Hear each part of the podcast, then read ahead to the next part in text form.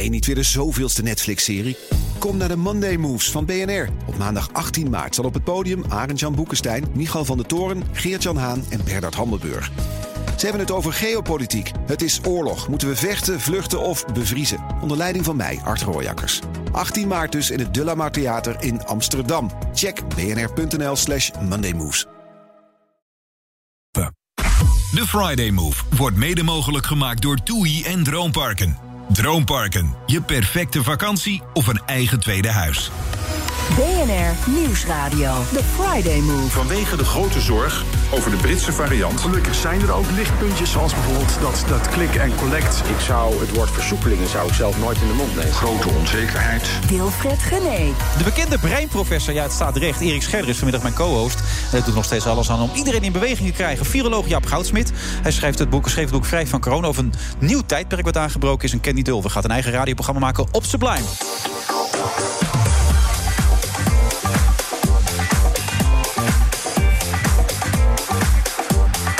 We hebben ons eigen radioprogramma, de Friday Move, gewoon uit, vanuit de Dauphine met onze eigen DJ Thomas Hobson. Ja, hij is er gewoon bij. Zeker weten op eh, vrijdag 5 februari.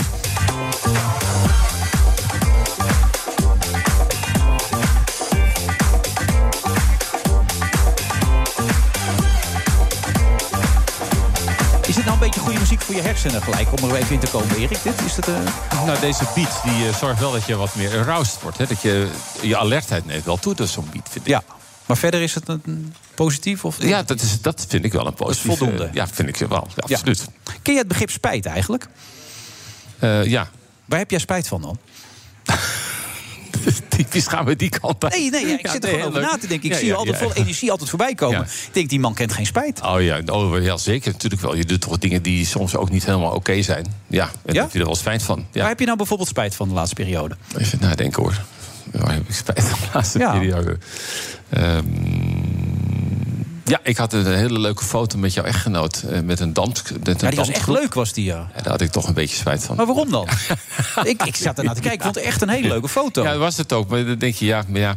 Wat? eh, Wat dacht je toen? Ja, wat dacht ik? Ik dacht, het is iets te frivol, toch? Nou, hoezo te frivol? Je gaat op een tafel staan bij De Wereld Draait Door... en dan kun je niet op een leuke dansfoto met mijn vrouw staan. Nou ja, in het kader van een serieus boek, hè, wat het is. Nee, het is altijd met een knipoog in het leven, Erik. Ja, dat is zo. Maar eh, op een manier. Je, hebt vroeg hem het eruit laten halen. Je, je vroeg het aan mij en ik, ik, ben, ik ben voor de eerlijke antwoorden. Ja, dat was het laatste moment van spijt dat jij nu gelijk bij je op voelt komen.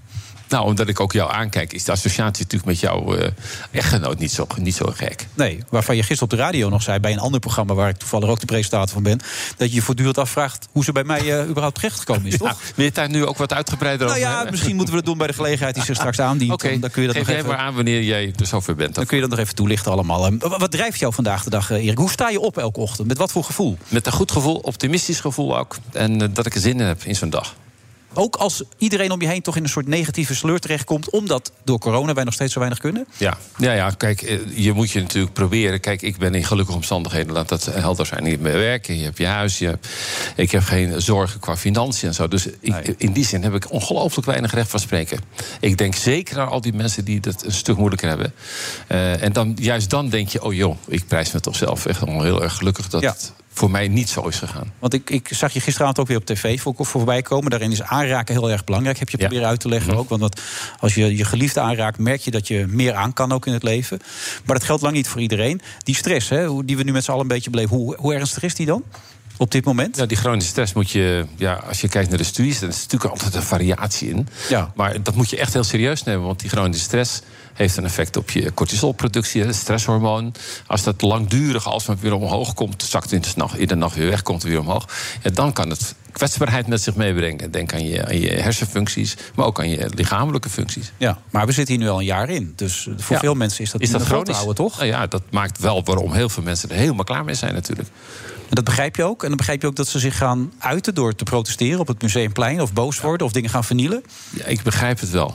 Ik begrijp het wel, omdat eh, wat je ziet is dat door die chronische stress bepaalde delen eh, van de hersenen die de controle uitoefenen op je gedrag. Die delen worden juist kwetsbaar. Je merkt het zelf in kleine dingen soms, ik ook. Hè, dat je denkt, nou, als ik gestrest zou zijn, dat ik wel bijvoorbeeld een wat korte lontje zou hebben. Maar dat, is, hypothetisch, dus niet echt, begrijp ik. dat komt niet veel voor. Nee, je wordt niet vaak boos? Nee. Nee? Maar even, als- Alleen als Hans Berenkamp een recensie schrijft, dan word je woedend. Dan wil je hem aanpakken. Dan word ik vooral verdrietig. Ja. Dat was het. Nee, in eerste instantie wil niemand aandoen. Oh ja, oké. Ja. En, eh, maar, maar je begrijpt, als je het klein houdt, is het zo dat je denkt: waarom zeg ik dat nou zo onaardig? Ja. Dat ik weet het niet zo. Ook een teken van een beetje te controleverlies. Maar als je natuurlijk veel meer controleverlies hebt. Doordat je je baan kwijt bent, Ja, dat je ongelukkig wordt, ja. geen geld hebt, enzovoort, enzovoort. Niet om het goed te praten, maar je kunt je voorstellen dat, eh, dat mensen eh, ja, buiten zichzelf gaan. Ja, maar hoe lang houden we dit nog vol dan? Als dit zo door blijft gaan met deze maatregelen? Nou ja, kijk, de regering doet er natuurlijk alles aan om het perspectief wel degelijk te bieden. Dat het moet opschuiven, vind ik ook logisch. Mhm. Maar als je in mijn hart kijkt, dan is het toch wel zo dat we de langste periode achter de rug hebben. Ja? En dat er wel degelijk nu, met die vaccins, met de actie die er allemaal wordt ondernomen. Ik heb het idee dat, eh, dat we nu meer perspectieven. En dat is nou juist weer belonend. Dat geeft toch, kan nog weer een goed gevoel opleveren. Ja, want Jaap Goudsmit komt zo meteen voorbij met zijn boek Vrij van Corona. Die heeft het over een nieuw tijdperk. Jullie kennen elkaar ook, begrijp ik, toch? Nou, we kennen elkaar eigenlijk via Dick Swaap. Oh ja, Eh, jouw leermeester, zeg maar. Mijn leermeester, heel Ja. goed. Ja, heel goed. En, eh, en, en Jaap is een collega van Dick. En met beide heren met een ongelofelijke reputatie, kan ik wel even zeggen. Ja. Daar ben je nog niks bij, bedoel je eigenlijk? Klopt. Je bedoelt altijd die bescheidenheid zoeken. Nee, wat is op. Altijd die, wat is dat bij jou? nee, maar altijd die bescheidenheid. Inmiddels de bekendste man van Nederland, zo'n ja, beetje, als op dit gebied. Nee, ik vind het, het, het, dat, dat mensen verschillen, dat is zoals het is.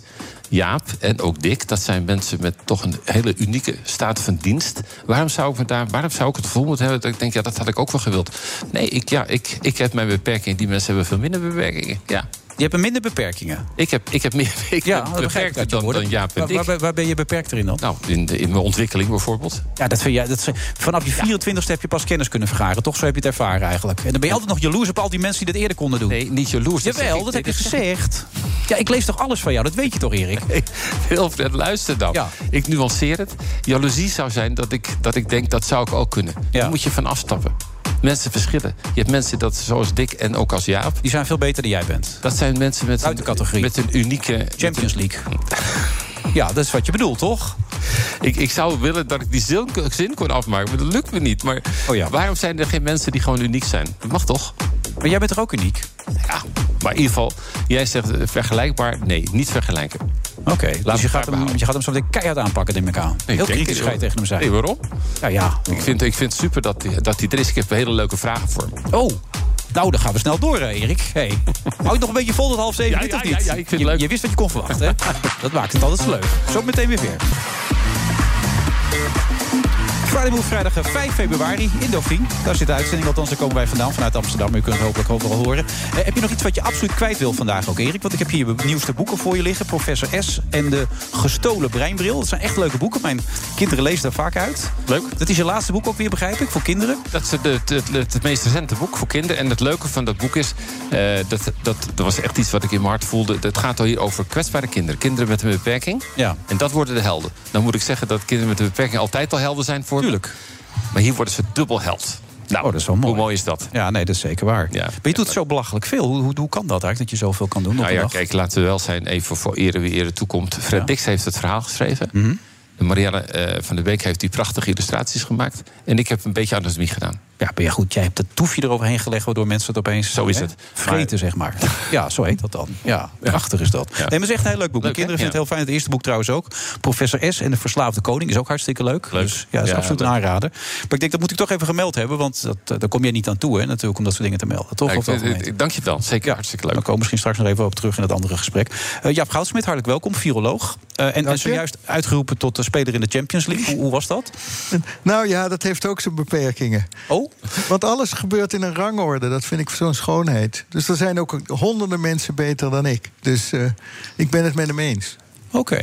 Maar dan zit Erik daar dus onder. Nee hoor. Dat heeft hij net zelf gezegd. Ja, maar ik geloof hem niet altijd. Ik geloof hem alleen maar als hij optreedt. En mijn hele familie geniet. En ik ook. Ja? Ja. Wat maakt het zo bijzonder dan? Nou, er is niemand die zo goed kan populariseren als hij. Die is er gewoon in Nederland niet. Maar is dat een compliment, populariseren? Dat Ja, dus dat is het- Moeilijke dat is- materie aantrekkelijk maken voor het grote publiek. Dat is wat het is, hè? het allermoeilijkste wat er is. Oké. Maar dat Want- is toch dat je moeilijke dingen makkelijk maakt op een bepaald Nou ja, toegankelijk. kijk, het vervelende met wetenschap is dat de enige manier waarop je het gelooft, wat er iemand zegt, is als het vliegtuig vliegt. En dat je denkt, ik stap daar rustig in en het komt niet naar beneden. Ja. Daar zit heel veel wetenschap achter. Maar dat kan ons niet schelen. Of hoe werkt de televisie? Of, eh, ik weet het ook allemaal niet. Nee, het feit dat we in zo'n bolletje zitten te praten... dat mensen ja, zitten dat het allemaal werkt en dat er thuis ook iemand het hoort. Ja. Nou, Moet wel dat iemand is- daar die schuif openzetten, daar ben ik altijd heel dankbaar voor. Bedankt jongens. Ja, Daar is hij een expert in. ja dat doet hij echt heel erg goed. Heb je gisteren nog het programma gezien ook? Op? Nee, ik kijk relatief weinig televisie. Veel series. Oké. Maar dit boek, vrij voorko- Ik moet wel eerst zeggen, meneer Goudsmit... eh, de- je ziet de virologen die, nou, die buiten over elkaar heen op de televisie... maar ik, ik zie u niet zo vaak voorbij komen. Wat is de reden daarvan? Nou, de reden daarvan is dat je ook niet in de weg wil lopen. Niet in de weg lopen? ja dat is uiterst belangrijk. We- Je speelt de Champions League en je wil niet in de weg lopen. Nee, het belangrijkste is, we zijn nu in een crisis. Ja. Nou, op dat moment moet je goed nadenken over wat je precies wil zeggen. En, en wat, wat je in zo'n situatie eh, naar voren wil brengen.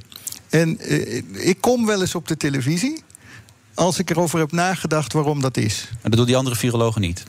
Nou, je kan, dat zou ik niet willen zeggen. Die, die proberen ook hun bijdrage te leveren. Ja, maar die hebben er niet over nagedacht. Eh, jawel, ze hebben er wel over nagedacht, maar ze gaan op de korte termijn in. Oké, en nu gaat meer op de lange termijn in. Nou, ik vind het belangrijk om na te denken over hoe je hier dan weer uitkomt.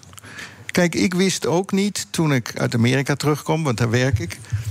Wist ik ook niet hoe dit in elkaar zat en waar dat virus vandaan kwam. Ik dacht ook, net als iedereen. Je, je wordt net zo verrast als iedereen. Kijk, ik had in 2003 een boek geschreven, Ja. De virusinvasie, waarvan ik, waarin ik ongeveer alles al had voorspeld. En dan denk je, nou, dan heb je dat 17 jaar later wel in je hoofd zitten. En dan word je nog overvallen. Totaal. Is daar, is, daar nou, is daar een verklaring voor? Want ik, ik hoorde van de week ook een viroloog zeggen... we weten dit al 20, 30 jaar, zien we dat aankomen. Je voelt het niet. Dus je, je, je kan het rationeel be- beredeneren. Maar het crisisgevoel, Ja. dat merkte ik nu. Kreeg ik pas dat ik. eh, ik was. eh, wat, wat gebeurde er? Ik kwam terug naar Nederland. Ik hoorde van een Chinese student. Hoorde ik dat haar moeder niet behandeld kon worden voor kanker. omdat alle artsen naar Wuhan moesten. Nou, en de eerste gedachte die ik ook had, loopt als een sisser af, net als SARS. Toen zei ze, nou, het is wel wat een graadje erger. En toen kwam ik, het laatste vliegtuig naar Nederland terug... was ik denk ik op 13 maart. En toen was het een leeg vliegtuig. En ik heb dat één keer eerder meegemaakt toen ik terugvloog naar 9-11. Toen was ik ook in Amerika, zelfs eh, op de plaats waar het gebeurde. O jee. En ja, precies, dat was Ja. ook zo'n shockelement. En dat lege vliegtuig, dat gaf voor mij de crisissfeer aan. Oh ja, Toen dacht ik, nu voel ik het. Ja, het Dat heb je nodig om beslissingen te kunnen Dat nemen. heb je nodig om te begrijpen waarin we nu zitten. En, en we zitten in de krankzinnigste situatie die ik kan bedenken. Ik heb het nooit meegemaakt. We zitten in een situatie die ik voor een beetje met, met cri- echte crisissen vergelijk. Ik heb het in mijn leven niet meegemaakt. Het lijkt op een oorlogssituatie die op vreemde manier. En het is een epidemie die ik alleen kan vergelijken met de pest. Betekent, het is een eens in duizend jaar voorkomend fenomeen wat ons nu overkomt. Dat is ook echt het geval, denkt u? Dat, dat vind ik. Ik vind het niet op de griepepidemie van, van eh, de Spaanse griep van 1918 maar de lijken. komende tijd gaan we dit niet weer meemaken. Zo bedoel ik, Ik weet niks van de toekomst. Nee. Eh, dus daar kan ik niks over zeggen. Maar ik weet wel dat als je het bestudeert... dat dit alleen maar lijkt op een, op een wegvage... over de hele wereld zich verspreidende situatie. Verontrust het u dat u eh, collega's hoort zeggen dat er allerlei mutaties alweer komen Nee, helemaal waar we nog niet. niks van af weten? Helemaal niet. Ehm, waarom verbaast me dat niet? Men noemt het naar landen, die variatie. Maar het is niet zo. Het is exact hetzelfde virus. Dat, en, en het mechanisme van het, van het vermenigvuldigen van het virus is slordig. En je had de Engelse mutant, is al eerder voorgekomen. Die kenden we al eigenlijk. Maar die is wel heel zeldzaam. Die Engelse mutant maakt dat je eh, een, een, een- eigenlijk dat het virus beter hecht aan je cellen in je, in je opperste luchtwegen. En het zijn. Dus er komt een mutatie in, die komt uit Engeland. Maar die had ook in Assen kunnen ontstaan. Ja. Dan is er de Zuid-Afrikaanse mutant. Dat zijn eigenlijk, heeft dit twee veranderingen, die variant. Maar dat is dus de Engelse variant plus nog een mutatie erbij. En dat noemen we dan de Zuid-Afrikaanse. En de Braziliaanse die heeft er drie. Dus wat wij zeggen is, er, het virus zoekt naar een balans om te overleven in de mens. Ja. Nou, dat houdt een keer op en het krijgt een keer een balans. Want op een bepaald moment maakt hij natuurlijk zijn cellen dood. En dan le- overleeft hij niet. Dus ik denk dat we het nu wel gehad hebben. Ik ben heel optimistisch. Oh, dat is goed om te horen op de Vrijdag. Ja, nee, ja, Erik, super. Als, als toppende optimist voor jou. Is fijn om te horen dit, hè? Ja, ik, Ja. Ben, ik ben heel optimistisch. Ja, want mooi. hoe ik het zie is... het allerbelangrijkste wat er gebeurt... en dat is nu even niet gebeurd...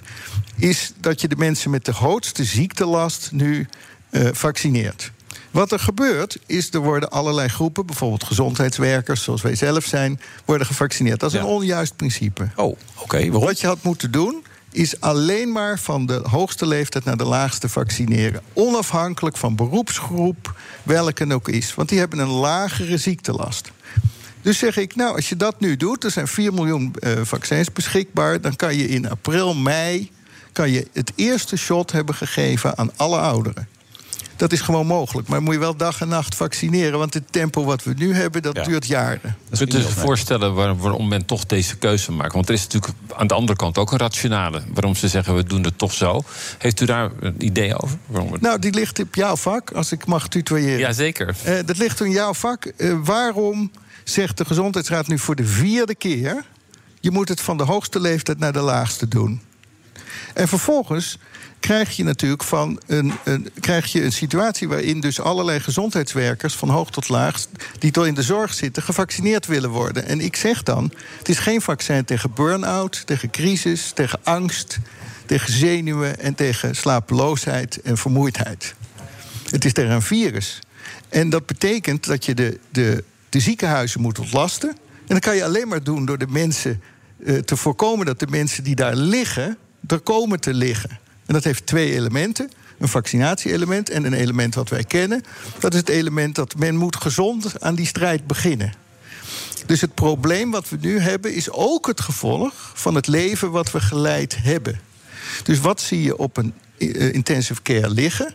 Dat zijn vaak mannen, te dik. Ja, BMI hoger dan 25 hoorde ik, hè, vorige Ja, week. ja, Ja. ja. Die, die liggen daar. En, en met name met eh, vaak nog wat onderliggend lijden daarbovenop. Dus mijn pleidooi is. Je moet je hieruit vaccineren. En daarna moet je naar het immunoceen. Want de wetenschap. Dat is de nieuwe wetenschap, het nieuwe tijdperk wat aangebroken is. Dat toch, heb ik verzonnen. Ja, het immunoceen, ja. Volstrekt verzonnen, want het heeft, het heeft volgende elementen. Never waste a good crisis. Die hebben we nu. Dus wat je moet zeggen is, nu gaan we eens echt wel de preventie aanpakken. We geven 100 miljard op dit moment uit aan de zorg. Dat is in de laatste paar jaar van je leven.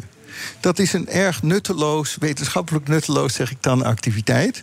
Want wat je moet doen, is te zorgen dat men daar niet komt... en zo lang mogelijk leeft als mogelijk is in goede gezondheid. Ja. Dus en wat ik dan zeg is, nou, dat gaat weer over hetzelfde als alle andere ziektepatronen. Bewegen, en daarom bewonder ik Erik zo. 5 miljoen doden per jaar, toch, in de wereld? Nou, al? 5 3 miljoen Ja. aan bij ziekten die gerelateerd zijn aan zitten. zijn, Ja. ja. Nou ja, dus meer bewegen, niet roken, zo min mogelijk drinken. En zorgen dat je fit blijft in alle opzichten die maar mogelijk zijn... op vanaf je zo je 40, 50ste. Dan als de 70ste weer een pandemie verschijnt... heb je de minste kans om op de eh, intensive care te komen. Ja, heb, je, Jaap, heb je enige verklaring? Als ik nog, mag ik nog tussen? Natuurlijk, neem de tijd, Erik. Ja, ja, nou ja, dit is de kans om Jaap te vragen. Er was natuurlijk al een pandemie, hè? Die, eh, die pandemie physical inactivity. Eh, die die 5,3 miljoen doden. eh, eigenlijk zijn het dezelfde mensen die nu ook heel kwetsbaar zijn.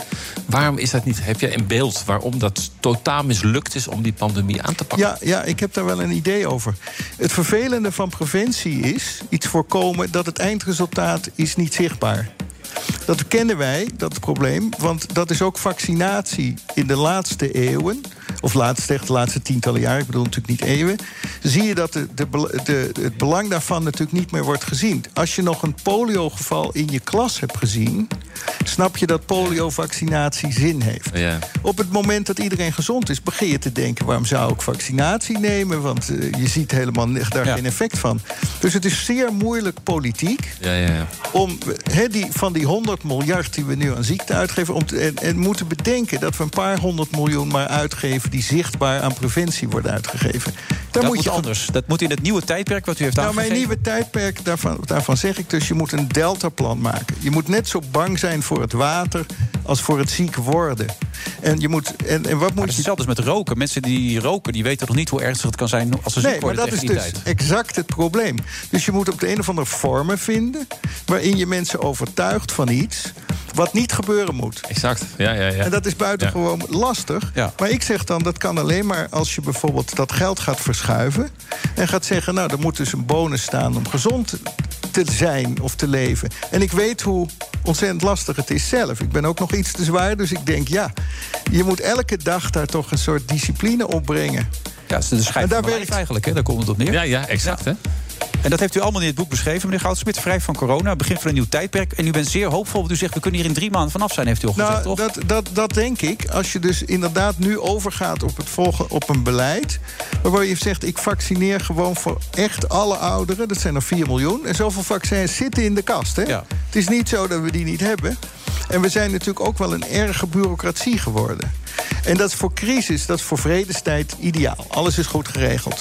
Maar in crisistijd dat moet je dan echt wel voelen. Van, er moet nu alles voor uit de kast gehaald om die mensen... Ik, ik wil dus graag, maar dat is mijn visie... Ja. dat in september gewoon dat covid-vaccin zit... bij de griepvaccinatie, bij de pneumokokken, dat is er ook één... en met kinkhoest en, en, en gordelroos. Dat is goede ambitie. Fantastisch. En, en, en dat kan je nu bereiken als je dat wil.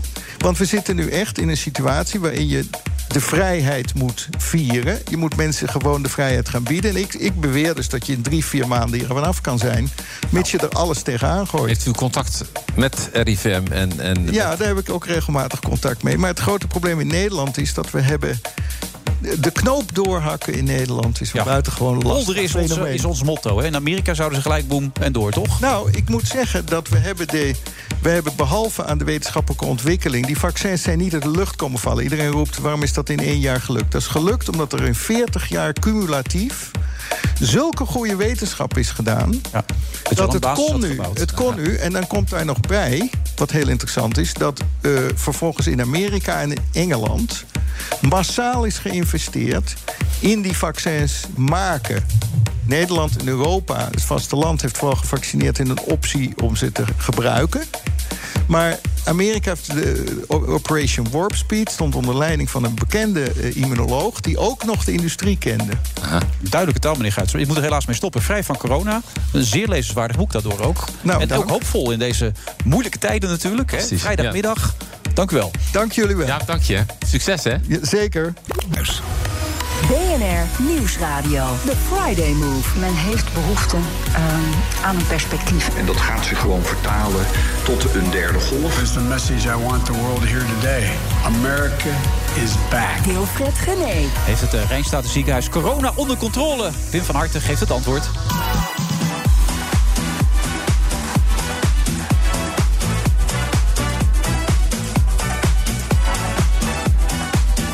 En mijn co-host van vandaag is niemand minder natuurlijk dan Erik Scherder... die de hele uitzending altijd blijft staan. Er worden andere mensen altijd een beetje ongemakkelijk van. Maar jij vindt dat fijner, Erik. Even staan. Ja, dan blijf ik eh, lekker alert ook. En, eh, het is goed voor je stofwisseling. Dus ja, waarom niet? Ja, nee, dan moet je het zeker blijven doen. Dankjewel, Wil. Staat ook goed.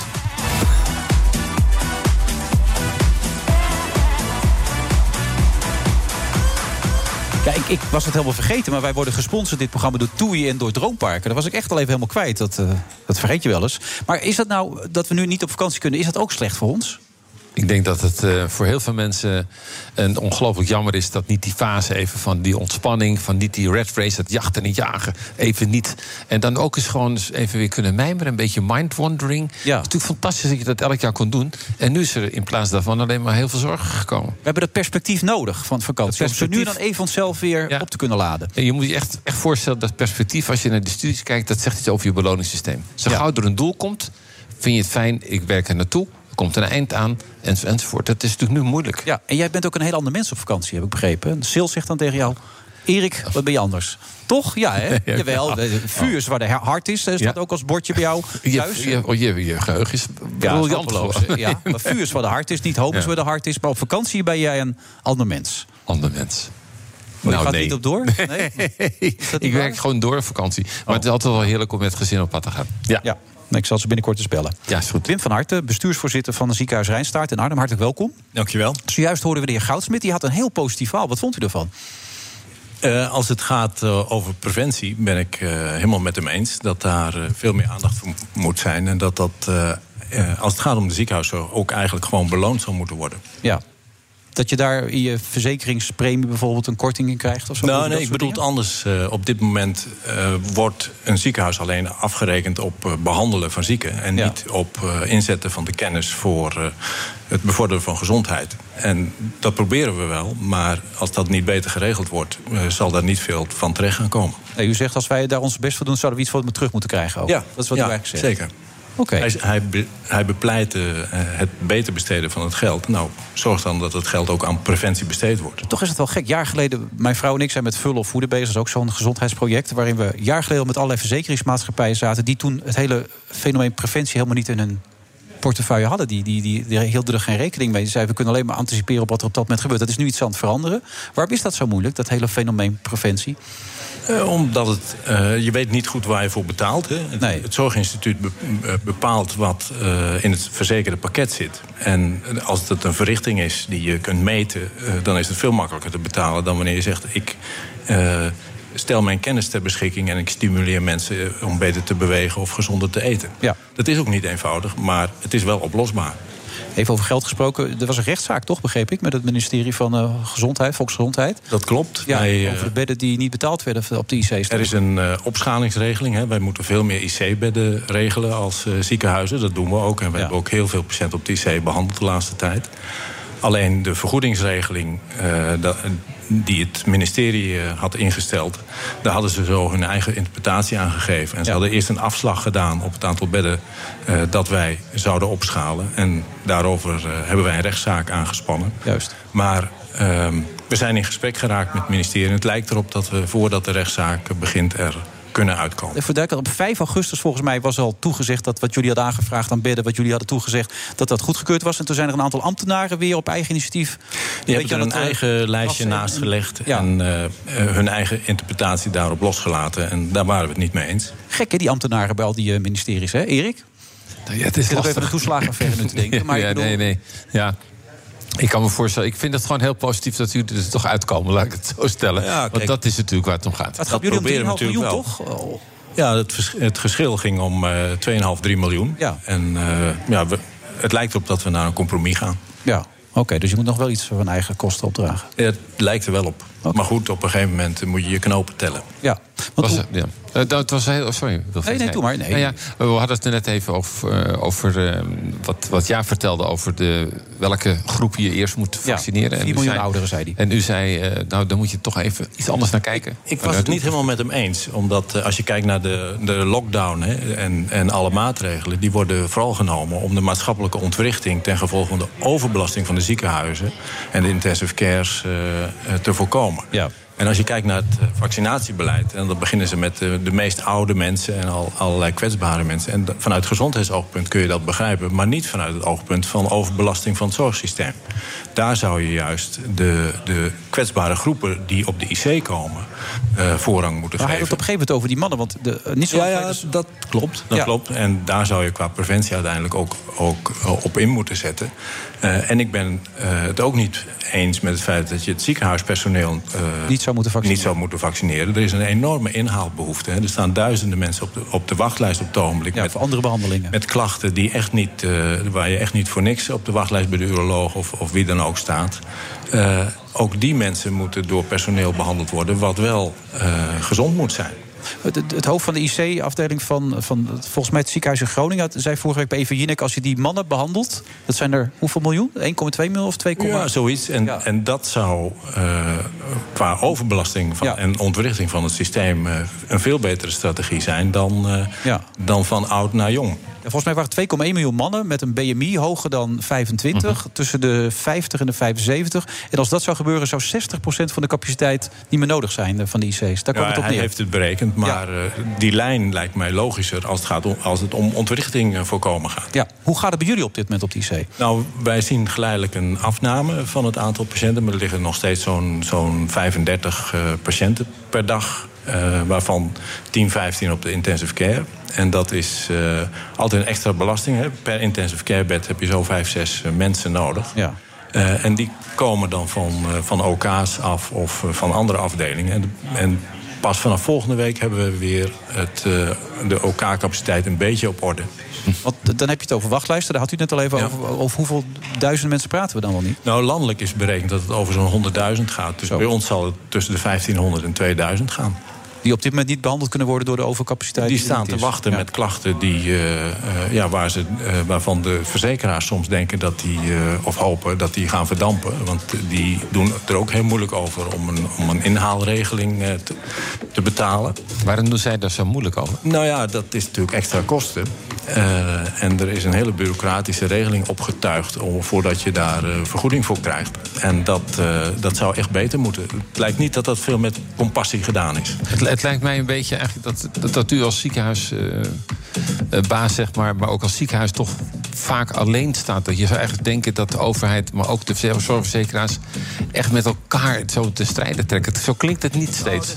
Of Er wel? worden wel, er worden wel regelingen getroffen, maar soms eh, eh, ja, mondt dat ook weer uit in bureaucratie. Hè? Maar dan hebben we het over bureaucratie. De mensen die de leiding hebben hier in Nederland. Dat hebben we zojuist trouwens ook gehoord. Wat, wat voor gevoel overheerst er? Er komt een derde golf aan, wordt er steeds geroepen. Eh, Dat of- is erg onzeker. Er Je hebt altijd verschuivingen van varianten. Eh, in Engeland eh, heeft dezelfde maatregelenset ook tot een daling geleid. Dus wij bereiden ons op alles voor. Maar we weten niet goed wat er gaat gebeuren nu.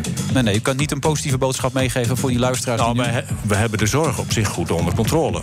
Maar eh, ja, als die vaccinaties niet snel worden toegediend... dan weet je niet goed eh, wat er nu gaat gebeuren. De scholen gaan straks weer open. Kinderen zijn dan minder vatbaar, maar toch niet geheel gevaarloos, lijkt mij toch? Nee, dus dat zal weer wat extra besmettingen geven. Eh, maar of het zo erg wordt als eh, in de rekenkundige curves eh, gezien wordt... dat is moeilijk te zeggen. Mag ik nog iets anders vragen? Hè? Maar Je bent maar zomaar. eerlijk. Ja. Ja. ik ben het, Ja. nee, maar ik vind het leuk. Ik ben eh, super geïnteresseerd in het onderwerp. Want nu zegt u, nu is het, zeg maar, het wordt wat rustiger. Misschien is het het verkeerde woord. Wij gaan uit van een, een, een stabiel beeld met wat kleine golfjes in de toekomst... en hopen dat die grote golf niet komt als we goed ons aan de maatregelen houden. Ja, en kunt u dan, als het nu iets rustiger is, eh, het personeel al iets meer omzien, dus dat ze zeg maar, een soort buffer opbouwen voor het geval dat? Nou, of is dat zegt u van nee, nee, zo? Personeel heeft het wel gehad, kun Ja, je zeggen. dat bedoel ik. Ehm, maar we hebben zoveel mensen op de wachtlijst staan... Dat, dat de zorg voor die mensen natuurlijk ook aandacht moet krijgen. Dus het is echt een balans die je zoekt om, om eh, ja, je rol, je maatschappelijke rol zo goed mogelijk in te vullen. Ik vraag je steeds af, hoe, hoe houdt het personeel er toch al die tijd? Nou, dat is in, Zo indrukwekkend inderdaad. Ja. Indrukwekkend. Ja, wat grappig is, eh, vorig jaar stond iedereen te applaudisseren. Nu lijkt het wel de normaalste zaak van de wereld. Dat we dat maar zo accepteren dat dat zo te gebeurt. Toch? Ja, dat klopt. En, dat is best eh, gek. Zeg maar, de maatschappelijke waardering voor dat zorgpersoneel... die mag af en toe wel weer eh, hoger op de agenda. Maar ik heb er wel een leuke, ik heb er wel een leuke verklaring voor. Hm? Namelijk dat toen het nog allemaal begon, hè, dan zie je dus dat eh, iedereen klapt. Hè. Ze werden Olympisch kampioen eigenlijk in no time. Hè. Maar als je eenmaal Olympisch kampioen bent, ja, moet dan wordt het natuurlijk toch zo dat je denkt... het is eigenlijk ook een compliment dat er niet meer geklapt wordt. Dat heb ik wel eens verteld. Als, we, als we van mij niet meer geapplaudiseerd, ga je er dus van uit. U heeft de top gehaald. U bent de top. Dus misschien is het niet klappen wel het grootste compliment voor al het zorgpersoneel. Nou, dat, dat moet ik dan wel heel goed uitleggen. Maar u voelt een beetje wat ik bedoel, maar niet? Het, komt wel, eh, als boodschap komt het nu bij mij wel goed over. Nou, dan nemen we gewoon die boodschap van Erik mee en dan zenden we dat uit. Ik bedoel het in ieder geval ook heel erg positief. Ik zie het echt als iets van, het, het grootste compliment is... we weten gewoon dat zij onze helden zijn en zij dragen ons tot het eind aan toe naar die goede eindgrens. Maar de waardering moet echt dan ook nadrukkelijk eh, bij, en bij herhaling uitgesproken worden. Bij deze. Uh, van bestuursvoorzitter. Ja. Ziekenhuis Rijnstaten bedankt en succes. Oké. 5.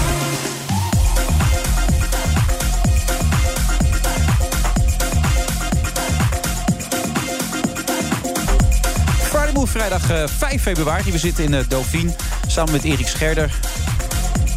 Ik las dat er ook ooit een column over jou geschreven is door Bert Keizer... Een aantal jaar geleden in Trouw. En daar was je echt heel erg teleurgesteld over. Want je had het over roken uitgelegd, wat het met je deed... en eh, hoe belangrijk het is dat je er anders mee om moet gaan. En toen heb je nog een ingezonde brief ook gestuurd... en daar hebben ze niks mee gedaan. Waarom niet, denk je? Ehm, ja, ze- het, antwoord was, meen ik, gewoon gebrek aan, eh, aan plek. Oké. Ja. Maar je had er ook boven gezet, rookt bij Bert Keizer. Bert Keizer had je er ook boven gezet, toch? Ja, Dus dat was een om beetje... te plagen. Het was om even een beetje uit te dagen dat eh, Bert een beetje te kort door de bocht ging. Nou ken ik hem. Het is een, een- ook eigenlijk, ja, sorry dat ik het zeg, maar het is ook een briljante man. Echt waar? Ja. Waarom? Is zo. Het is zo. Het is wel een, ja, het is iemand die, dat is een erudite man die, die eh, eh, prachtige stukken schrijft. Je hebt het nu over Bert Keizer, heb je? Jazeker. Dezelfde Bert Keizer waar- die dat stuk over jou ja, geschreven dat is heeft. zo. Ja, nou, maar goed, ik heb ook gedacht, Bert, eh, en hij heeft me wel gemaild van ja, nou ja, goed, ja, nou ja, er staat ook wel iets in mijn antwoord, zeg maar. Hè. Dus eh, onder ons was het natuurlijk is het altijd heel goed geweest. Jongen, jongen, je hebt ook bijgezeten, of bijgepraat met eh, Hans Berenkamp. En iedereen is goed eigenlijk, hè, wat dat betreft. Zijn er wel eens mensen die niks kunnen? Wat vind je van Candy Dulver bijvoorbeeld? Ja, ik ben een heel groot fan van. Oh, nee, ik had niet anders verwacht natuurlijk. Ja, nee, ja, die voelen je aankomen. Maar ik ben helemaal niet de enige de hele wereld dus een fan Ja, nee, dat weet ik Nou, ook. Jawel. Candy, hè? Ja, als jullie het zeggen, dan neem ik het meteen Nee, aan. nou ja, geloof I ik. want sex, I want Candy. Ik bedoel, daar is ze gewoon. Met een A, hè? Ja. Ja, nee, dat zei ik toch, nee, of niet? nee, nee, maar ik, ik wil echt zeggen, als ik je u hoor spelen. Mag jij zeggen, Nee, hoor. nee, als ik u hoor spelen, dan, dan, dan zie je echt, u bent die muziek gewoon. En als je dan meegaat zo in dat alles wat u doet, dan is het gewoon, ja, dan heb je de chills. Nou, dank u wel. echt. Dank u wel. Waarom vind je het moeilijk om je te zeggen dan? Nou ja, nee, ik kan al je zeggen. Wat is dat dan? Of is het nu gewoon voor de vorm? Nee, dat zit ik me gewoon af te vragen. Ja. Beleefd. Gewoon Ja, beleefd. dat zou ook eens moeten doen. Op het moment dat jij jus zegt, dan dat gaat hij nog steeds door met u. Ja. Dat is toch best gek? Ik heb ook muzikanten in de band die steeds maar u zeggen. Nog steeds? Nou, nu pas. Ja? Ik ben nu ouder. Die zijn heel jong of zo? Ja, die Ja. is 21. Zegt mevrouw Dulver, heeft u... eh, En hoe voelt dat? heel raar, dat Ja, wil ik helemaal niet. Maar je voelt je nog steeds geen mevrouw Dulver. Nee, alleen als ik ruzie heb met iemand, dan moeten ze u zeggen. Voor de rest mag de hele wereld jij zeggen. Ja, nee, dat had ik bij je vader ook al. Het was nooit meneer Dulver. Het is altijd gewoon Hans, weet je wel. Dat- dat- toch? Ja, dat kan ook. Dat wil je ook wel. Ja, dat wil We ook. willen ook eeuwig jong zijn, hè? Dat willen Ja. allemaal. Dat willen we allemaal, toch, Ja. Erik? Zeker. Ja, jij wil eeuwig leven, heb je wel eens gezegd. Ja, zeker. Dat is dodelijk saai, man, eeuwig leven. Nee, dan kan ik Eeuwig nog eens een leven. keertje terugkomen nog met de Friday Move. Ja, dat is allemaal... Ja, en dan nog een keer en dan nog een keer. Dan weet je het toch wel? Nee, blijf Echt niet? bij jou. Zou jij eeuwig willen leven, Kenny? Ja, ik wil weten hoe het afloopt. Eeuwig leven. Leuk. Jij niet? Het is Groundhog Day wordt het dan. Jij niet? Nee, ik zou niet eeuwig willen leven. Het feit dat er het einde aan zit, dat maakt het ook wel overzichtelijk, vind ik. De gedachte dat het nooit meer zou stoppen, dat betekent dat er ook nooit meer... Ja, je kan nog wat leren, maar... Nee het wordt elk jaar anders. Mijn grootste nachtmerrie is altijd dat ik bijvoorbeeld zeven jaar teruggezet zou worden in de tijd. Dat je weer met een andere iPhone moet die het niet goed doet. Of een, een, dat alle apparaten heel stom werken. Of dat ze iets nog niet uitgevonden hebben. Lijkt me vreselijk. Oh, dat is dan weer niet fijn, nee. Nee, ik wil altijd in de toekomst. En, en daarom doe je nu ook dat nieuwe radioprogramma, Candy's World op Sublime. Dat vind je gewoon weer iets nieuws om jezelf uit te dagen. Ja, nou ja, precies. Eh, het had ook wel een andere reden. Geldgebrek. in, in het Nee, ik weet het niet. Ik nee, het daar maar. doe ik het niet voor. Nee, want rijk word je niet van radio. Of jij nee, wel? Nee, nou, ja. Daarom zit je toch Hier bij de tv? Ja, ja. Nee, eh, sorry. Ehm, nee, de belangrijkste reden was eigenlijk dat ik zelf Sublime op een gegeven moment benaderd heb. Ik vond het wel een van mijn, net BNR, moet ik heel eerlijk zeggen, mijn favoriete radiostations, allebei. Maar ik heb ze zelf benaderd omdat op een gegeven moment in die pandemie werd ik een beetje gek van het feit dat. Eh, er was in de muziekwereld en ook in de kunst en alles eh, was natuurlijk alles afgesloten en alles afgelopen. Ja. Maar ondertussen gebeuren er natuurlijk hele mooie muzikale dingen. Muzikanten gaan gewoon door, jonge mensen leren gewoon door. En daar was op de normale, wat zich noemt muziekradio in Nederland... en ook op tv niets van te vinden. Ze hadden heel makkelijk even een kanaaltje open kunnen zetten... en de hele dag kunst en muziek kunnen laten horen. Dat hebben ze nog niet gedaan, zijn ze nu eindelijk eh, mee bezig... dankzij Stefan Emmer, die zich daar hard Ja, voor die is gemaakt mee bezig, ja. Ja, nou, dat is al bijna niet meer nodig, want is het weer afgelopen, hoop ik. Uh, Ja. Ehm, maar dus ik had zoiets van: mag ik een rubriekje bij jullie doen? Dat ik dan even aankondig wat er nog wel gebeurt. Oh, hè, live optredens Ja. in de zomer. En toen zijn we in gesprek geraakt. En opeens had ik een programma van twee uur. En Zo. dan moet ik nu. ja, dat is even wat anders dan een Ja. rubriekje. Maar echt te gek. Ik ben er ook heel blij mee. Dus ik mag elke zondag twee uur lang mijn eigen muziek helemaal zelf samenstellen. Ba- eh, babbelen, een jong talent. Ik heb met de Buma een verbond gesloten. Elke week doen we Buma Young Guns. Hele jonge mensen die te gek zijn. Het mag ook ouder durven zijn. zeggen tegen jou dan. Die. Ja, nou, dat hoeft dan niet hoor. Nee. Maar er zijn mensen die Nee, nog eh, zeg maar koolmonden zijn... en die nu eigenlijk het podium helemaal missen. Ja, die net niet super bekend zijn. Want als je nu naar de tv kijkt en de radio ziet... eh, Ik ook, ik, wij komen wel steeds op tv. De Treintje Oosterhuis, de Candies, de, de Directs, weet je. Die zijn, Ja. worden wel steeds gevraagd. Maar de hele laag eronder en al die mensen die nu op het conservatorium zitten... of eraf zijn, Mhm. die kunnen zich nergens profileren. Alleen op hun eigen social media. Maar ja, dat ziet ook alleen maar hun eigen kringetje natuurlijk. Moet je wel heel geluk zijn als dat opeens eh, ontploft. Wat natuurlijk wel eens gebeurt. Ehm, dus ik vind het gewoon heel jammer dat dat niet gezien wordt. Normaal kan je naar een kroeg of een zaal gaan... en Ja. zie je jonge mensen spelen. Dan zeg je, wauw, nieuwe gitarist of nieuwe zangeres.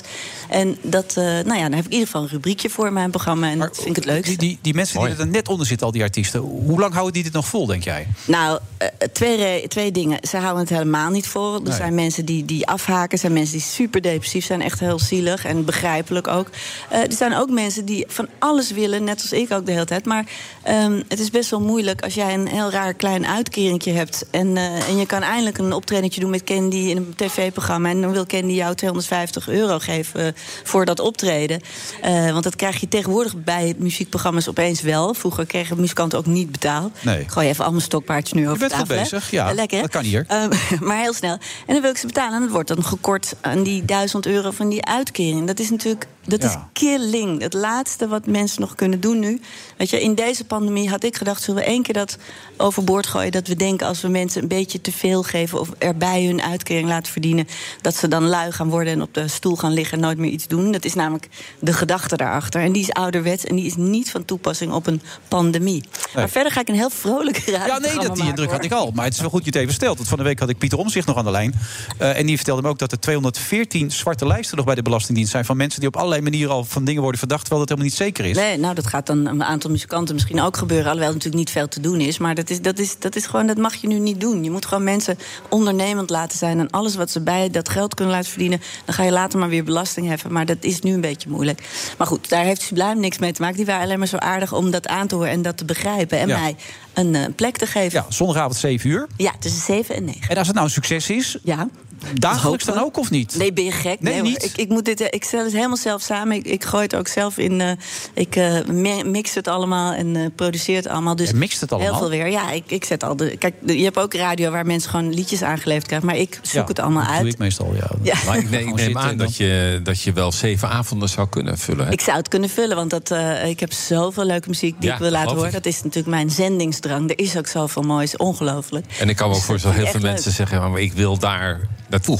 Hoor, krijg je veel mensen die zich ook melden? Van, Nou, kan ik komen? Dat hoop komen? ik. De eerste uitzending moet, nog, eh, moet natuurlijk zondag zijn. Maar eh, eh, we willen ook in de toekomst af en toe, als het met COVID kan, eh, live optredens gaan doen. Oh ja. mensen, jonge mensen, maar ook leuke artiesten laten komen. Daar zijn we druk mee bezig. Dus ik hoop dat het zo'n ding wordt elke zondag. Dat je weet, vaste prik, daar gebeurt wat nieuws. Ook lekkere oude muziek. Want het is natuurlijk sublime. Dus soul, funk, jazz. Weet je, al dat lekkere wat daar allemaal tussendoor en omheen zit. Dat, dat gaan we draaien. Maar roep jij eigenlijk ook andere stations nu op om dit ook te gaan doen? Om die mensen meer een kans te gaan geven? De grote Nee, ja, stations? heb ik het mee opgegeven. Je hebt opgegeven? Ik heb het opgegeven. Ze hadden het makkelijk kunnen doen. Ze hebben alleen maar in een oude catalogus zitten vroeten. En Sublime is de enige eh, met de nieuwsbv, moet ik zeggen... en wat programma's zoals M, die echt hebben geprobeerd... om eh, kunstenaars te helpen. Die hebben echt goede dingen gedaan. En nog wel wat mensen, laat ik even niet zo kort door de bocht zijn. Maar, maar zo anderen kennen we je. niet? ja. Nee, dat is goed. Nee, als Kenny erbij zit, dan wordt er altijd even... Hè? ja, sorry. Ik Wordt, ben, ik houd graag mijn plank, is het dan Ja. altijd hoor. Ja, dat is altijd goed. Maar wat Maar was de reden waarom andere stations het niet willen? Ja, een beetje traag eh, eh, v- regeringsvermogen, denk ik. En ook een beetje niet betrokken zijn. Want ja, je moet toch- Commercieel niet interessant wordt er dan gezegd. Dat nee, dat zeggen, hebben ze ook eh, Ja. eerlijk gezegd. Ik heb wel eens met iemand van de Buma erover gesproken. En ze zeiden ze ook, ja, eh, bij ons... eh, ik moet denken aan hoeveel luisteraar, eh, luisteraars ik trek. Ik kan wel de hele dag Nederlands talent gaan draaien...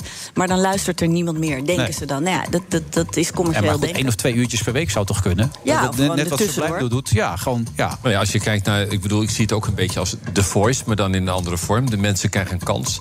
Hoe groot is Ja. het succes van The Voice niet? Bedoel, Ja, dat is zo grappig. Dat vinden mensen dus ontzettend leuk. Hè? Talent te zien en Ja. te zien bloeien. Eh, maar dat, dat hadden we nu in deze pandemie even iets meer moeten doen voor de hele kunstsector. En, eh, maar goed, eh, er zijn wel heel veel fantastische initiatieven. En het heeft de muziek ook niet bijvoorbeeld naar beneden gedrukt. Weet je. Ik zie Nee. nog steeds heel veel nieuwe dingen.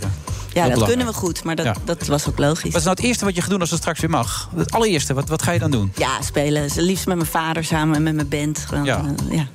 Maakt niet uit waar. Maakt, nee, maakt me ook echt niet uit waar. Ik heb de zomer voor 10 mensen gespeeld, voor 50, voor 200. Interesseert me niet. Ik vind alles leuk. Als er maar meer dan twee mensen zijn, dan ben ik al blij. Ik, Ja. Ik hou van publiek en ik hou van communiceren. Dus En aanraken, Ja. ook belangrijk. Hè? Heeft Erik gisteravond nog weer uitgelegd op tv. Je moet elkaar aanraken. ja, dat is wel moeilijk. Want, eh, ja, dat, is, eh, dat missen we echt. Ja, maar wat ik vooral liet zien, Wilfred gisteren, was dat als je elkaar niet aanraakt, maar belt bijvoorbeeld, Ja, dat het ook dat een groot effect had. Ja, dat het was leuke was nieuws. juist dat, dat eh, de partner, dan die vertelde wij van zeg wel wat lieve dingen dan tegen uw vrouw, hè, die dan in, met haar hand in de ijsbak zat.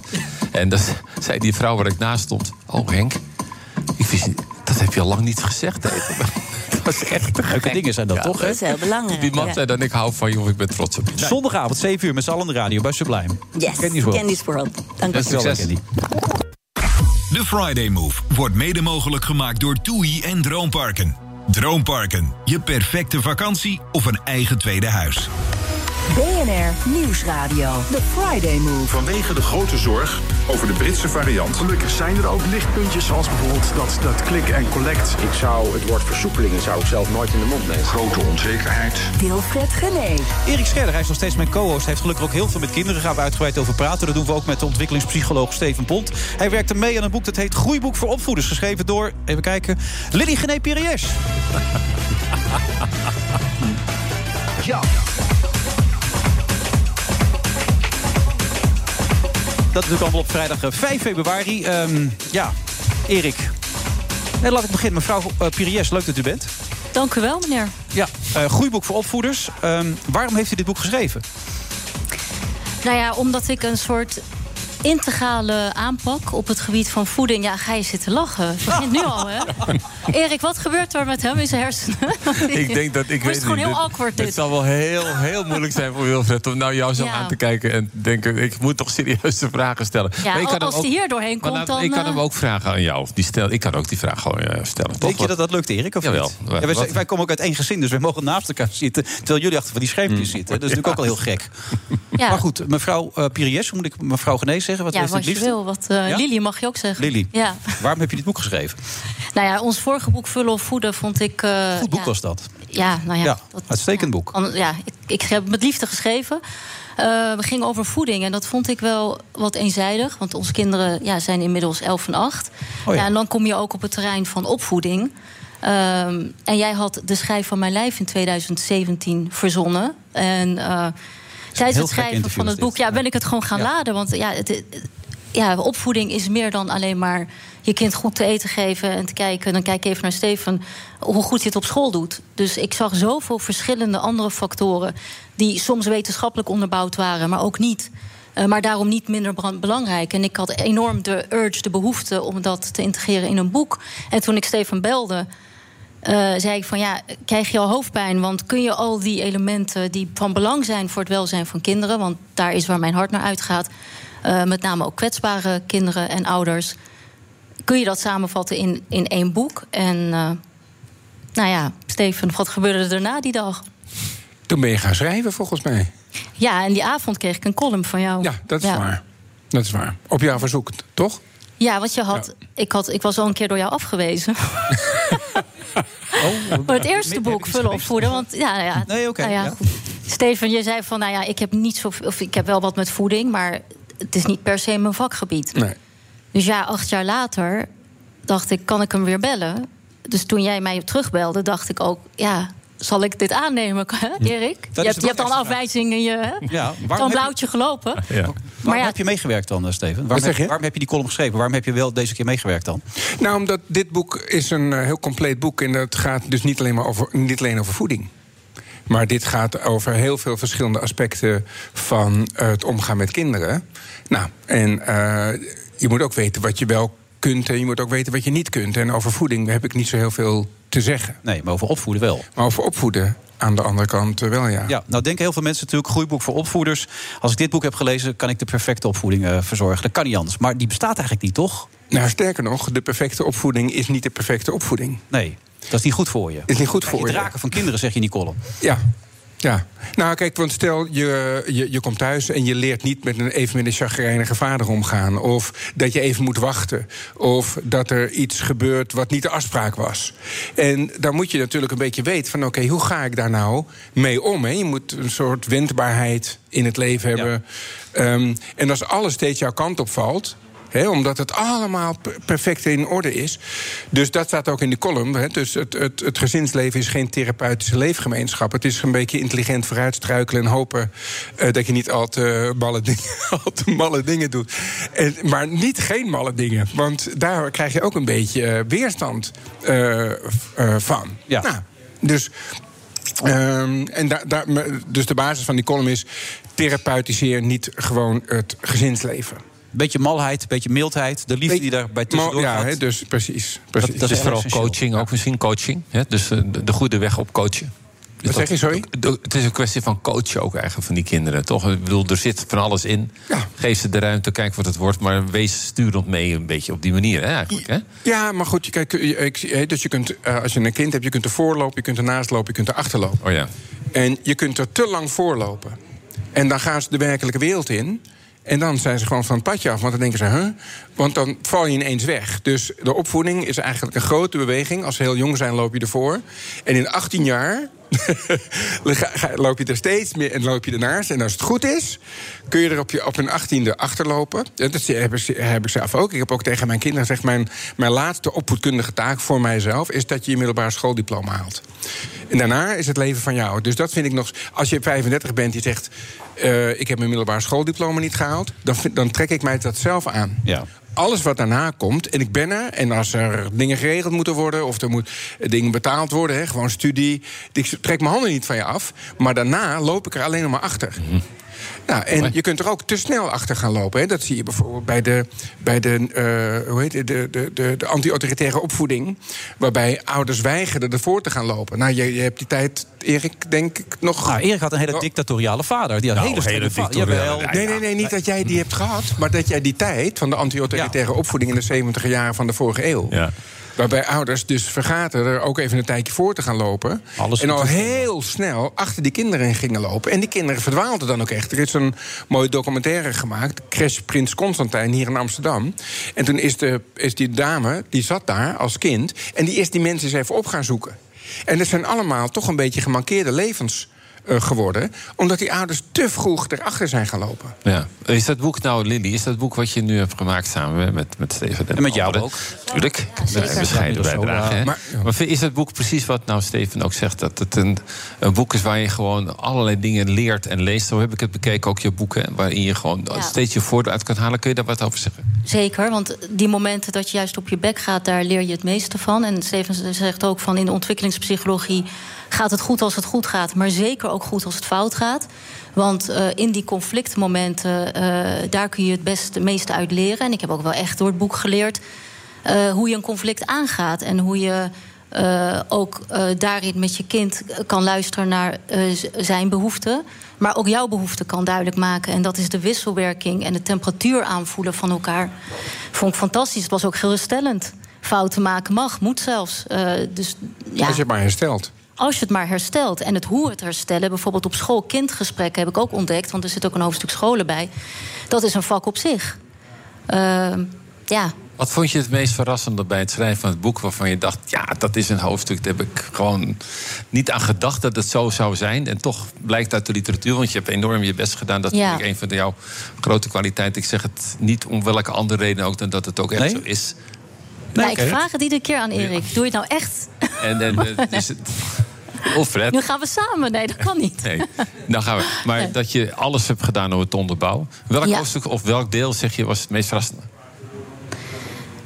Ja, het klinkt heel saai of suf, maar ik heb echt uit ieder hoofdstuk heb ik het zelf doorleefd, maar ook overal wat uitgehaald. Bijvoorbeeld dat we een pact eh, sluiten met onze darmbacteriën, pact tussen mens en bacteriën. Eh, nou, die zitten overal. Dus dat je die goed verzorgt. De term postbiotica kende ik niet, terwijl ik heel veel duik en diep duik rondom voeding. Dus als je goed voor jezelf zorgt en die bacteriën goed verzorgt, gaan die zelf ook goed voor jou zorgen. Eh, maar ook iets als cognitieve reserve. Eh, kijk, ik hoorde dat jij zei dat je spijt had van die dansfoto. Ja, dat vertelde Ik je. wel heb je Bollywood. spijt van. Ik, nou, dit is, de, dit is toch een eerlijk antwoord ook. Ja, ik vond het zo kwetsbaar. En die kwetsbaarheid vind ik zo mooi. Want ja, weet je, ik dacht dat ik danste en ik voelde me echt heel blij na het dansen. Maar ik wist niet waarom. Nou ja, jij hebt het onderbouwd. Nou, jij zei ook tegen mij toen ik het eerste hoofdstuk bij jou aanleverde... van Lili, heb je even Prozac? Nou, de car- cardioloog eh, kon me ook niet eh, helpen op dat moment. Ik dacht, en dat vond ik En toen kwam opvallend. ze bij Nou de werkkamer nee, maar nu binnen, kom ik tot, Erik. kwam ze bij de werkkamer, toen was echt even verslag ook. hoor. Nee, ja. nou, wat daarop voortkwam. eh, Ik bedoel, ja, de lat had ik ook wel hoog gelegd. Want ik, ik ging toch eh, bij jou dat voor hoofdstuk laten zien. En toen zei je ook: er wordt heel veel zin en heel veel onzin geschreven over de hersenen. En wat is nou de grootste mythe? Wat je heel vaak leest in die, in die boeken. ook, Want er wordt, iedereen kan maar wat publiceren. En dat wilde ik niet. Ik wilde alles goed onderbouwd hebben. Klopt. Zodat het niet als een soort roze eh, boek wordt. ge- eh, want het is een heel serieus onderwerp. Ja, nou ja, Maar de mythe over hersenen. Nou, de mythe laat ik zo stellen. Dat, wat ik dus heel erg waardeer in dat boek... is dat eh, we alles eruit hebben kunnen halen... waarvan je denkt, ja, dat staat wel mooi. Maar waar halen we het eigenlijk vandaan? Ja. Eh, die kennis. En dat heb je allemaal, zoals dat eerlijk gezegd ook bij het eerste boek al was. Je hebt altijd open samen opengestaan voor... oké, dan gaat dat er gewoon weer uit. En dat is natuurlijk wel super fijn. Dat je gewoon weet hoe klein de stukjes ook soms zijn van andere mensen. En van mijzelf bedoel ik.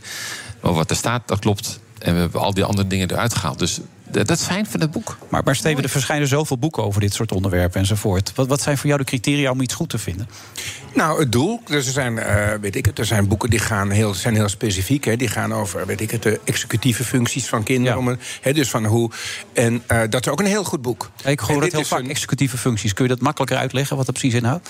Eh, nou, laat me eerst even de vragen. eh, Oh, want anders dan. eh, maar wat, ik, wat, wat, dit een, eh, wat goed aan dit boek is, het is een heel compleet boek. Ja. En dat, eh, dus eh, die schijf van vijf komt, van het lijf komt kennelijk bij jou vandaan, heb ik net. eh, Ja, die heb ik ooit een keer bedacht. Ja.